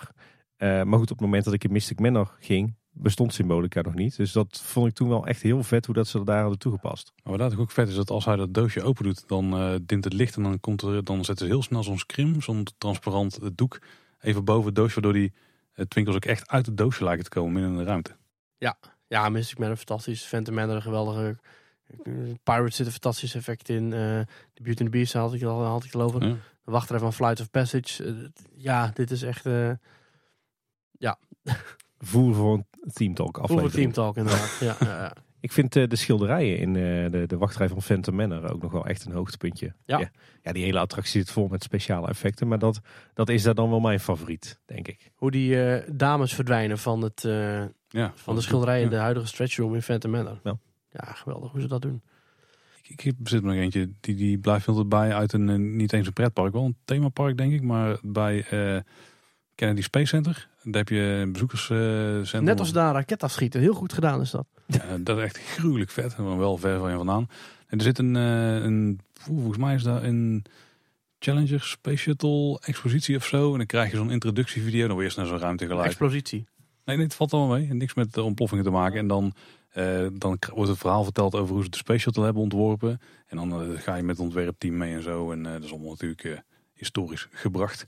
En aan het einde, het begint op een gegeven moment een, op een gegeven moment komt er een schaalmodelletje, gewoon een opgevouwen vliegtuigje zeg maar langs in de vorm van zo'n space shuttle van dit moet het gaan worden.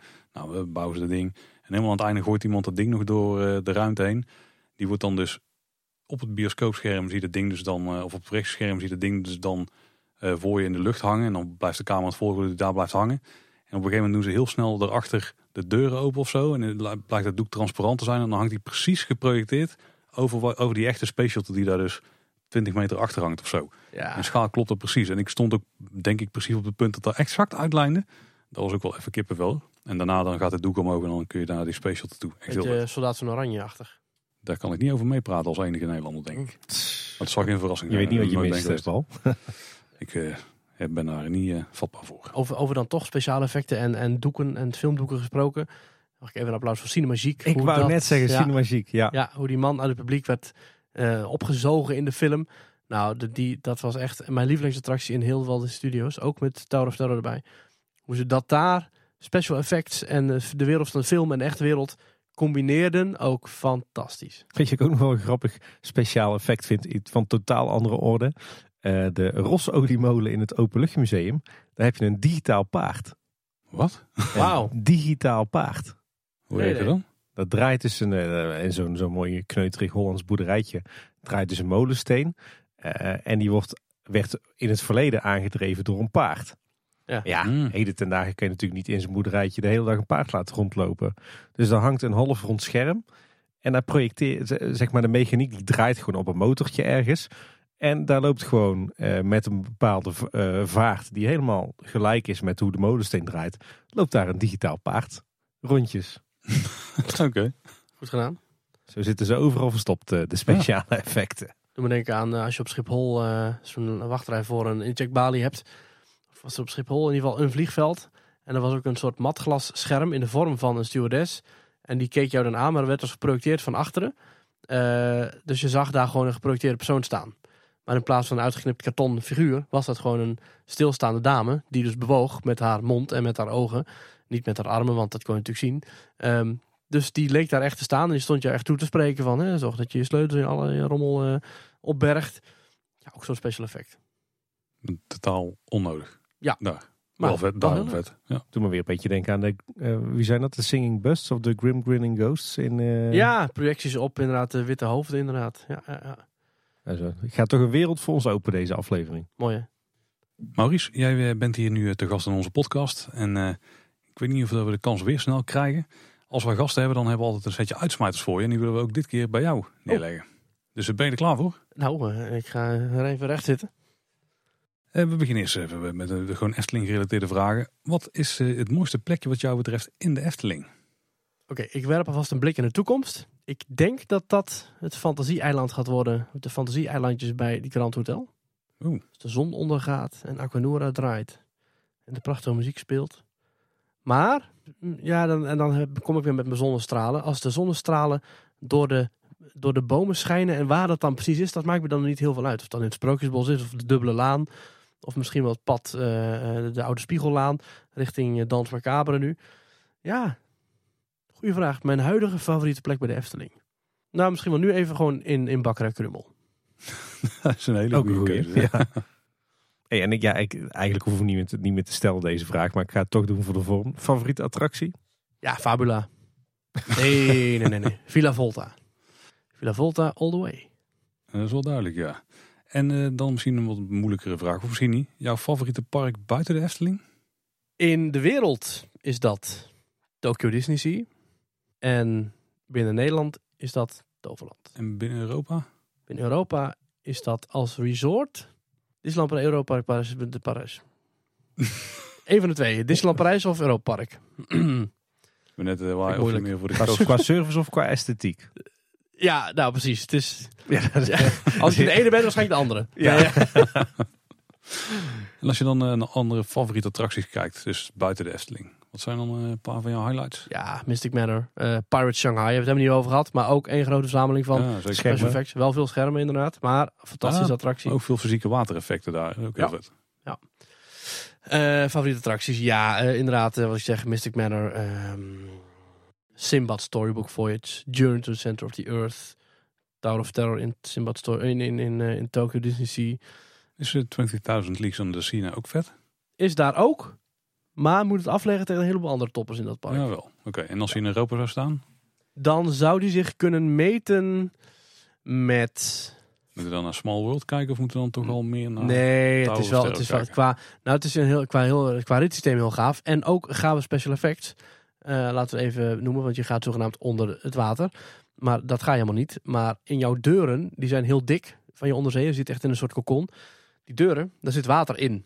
En af en toe dan laten ze wat bubbels door die deuren heen gaan. Waardoor het lijkt alsof je hele kokon onder water zit, maar dat is niet zo.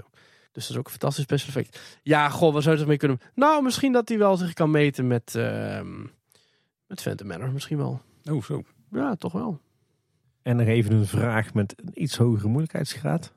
Jouw mooiste Efteling herinnering? Ja, dan ga ik een beetje grabbelen. Um, vroeger natuurlijk heel veel mooie momenten met de zomeravonden. Um, met het park tot 12 uur s'nachts open. Maar misschien wel, en dat is het meest stomzinnige wat je kunt bedenken. Toen was ik aan het werk in de Efteling. Het was avond, maar nog niet donker. De zon ging onder. En de muziek van toen nog Maarten Hartveld, die klonk. En um, het was een prachtige zonsondergang. Je merkt het, ik ben een beetje fanboy van zonsondergangen. En op het Dwarrelplein, wat nou toch echt niet de meest sexy plek van Efteling is, zag ik, het was herfst, zag ik allemaal herfstbladeren liggen. Het waaide heel lichtjes. Het was nog steeds warm. De muziek klonk prachtig. Mensen waren blij. En toen dacht ik, dit is toch fantastisch. Dit hele park is allemaal, is allemaal neergezet. Dat al die mensen een mooie dag hebben gehad. En iedereen komt lachend weer naar buiten. En de zonnestralen braken door de... Ja, dat was echt... Het slaat nergens op. Maar dat was ook een heel mooi moment. Ik dacht, oh, dat ik hier mag werken. Zo. Magisch momentje. Ja, maar, maar het is helemaal niet wat je zou bedenken. Op het Dwarrelplein. Een van de meest lelijke stukken van de Efteling. maar toch, die magie die daar toen hing. En die daar ook vaak hing hoor. Want aan het einde van de dag was het toch vaak zo'n moment van... Ja, melancholisch, wat nu ook die muziek heel mooi uitdrukt. Ja, dat is fantastisch. En uh, ja, misschien een voor de hand liggende vraag dan, maar ik ga hem toch stellen. Ja, mooiste moment ooit in een pret- of themapark? Dat is denk ik wel Disney World geweest. Toen liep ik jaren geleden met uh, Roel, hè, jullie kennen hem ook, vriend van de show. Liep ik ook door, door Walt Disney World. En ik weet niet eens meer zo, zozeer welk park dat dan was of zo. Maar ik, ik dacht, ja, nu loop ik hier. Nu ben ik in de Magic Kingdom of Animal Kingdom. Misschien was het wel Animal Kingdom. Het was niet Epcot, het was niet Studios, maar het was in een van die twee. En ik loop hier nu in het entertainment centrum van de wereld. Hier komen 50, 60 miljoen mensen per jaar in Walt Disney World. En ik loop hier nu ook in mijn t-shirtje met 25 graden. Dit is de allerbeste vakantiebestemming ooit. Het is geweldig. En dan ook weer niet zozeer het moment dat ik van Tower of Terror, dat ik daarin ging voor het eerst. Of de eerste keer dat ik in Journey to the Center of the Earth ging. Of de eerste keer Soarin'. Dat niet zozeer, maar gewoon het, het zijn van op een plek. Waar je al die jaren, misschien wel tientallen jaren naartoe hebt geleefd. Magisch. Mooie woorden om mee af te ronden, toch? Ja. Ja, want uh, wij kunnen je alleen maar bedanken, Maurice, voor het uh, meebrengen van nou, in ieder geval ook een hoop special effects die ik, of, ja, die ik was vergeten. Gewoon, ja. klaar. Eens. Schatkamer van de special effects. Ja, een hoop inzicht in hoe uh, een aantal van die special effects werken. Oeh, Schatkamer van de Sprookjes, thema van 1999. 99. Met de opening van uh, uh, Dekje. Ja. En Stiefmoeder. En Nachtegaal was een jaar ervoor volgens mij. Nachtegaal was 98. Ja, nee, Nachtegaal was 99. 98 waren de Reus en Repelsteeltje. Oh, ja. Ja, ja, ja, ja, twee entertainment nerden. nee, nee, dit gaat over het Sprookjesbos, uh, ah, uiteindelijk, uiteindelijk, wel. Ken je klassiekers? Maurice, als mensen jou online nou willen vinden, waar kunnen ze dan allemaal terecht? Ja, dan kun je naar teamtalk.nl gaan, hè, waar de, uh, we elke week ongeveer dus die, die podcast uploaden. Um, ook best leuk. Ook best leuk. Maar uh, hè, als je al kleine boodschap luistert, heb je al genoeg tijd. Uh, Steeds op Park Podcast. um, Epic Escape is mijn uh, escape room in Waalwijk. EpicEscape.nl Of zoek even op Waalwijk Illusion Escape Room, dan kom je er ook wel.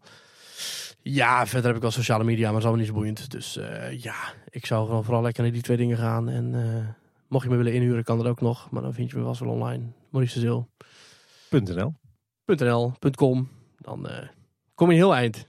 Voor jouw stemkunsten. Nou, hè, wie wil dat nou niet?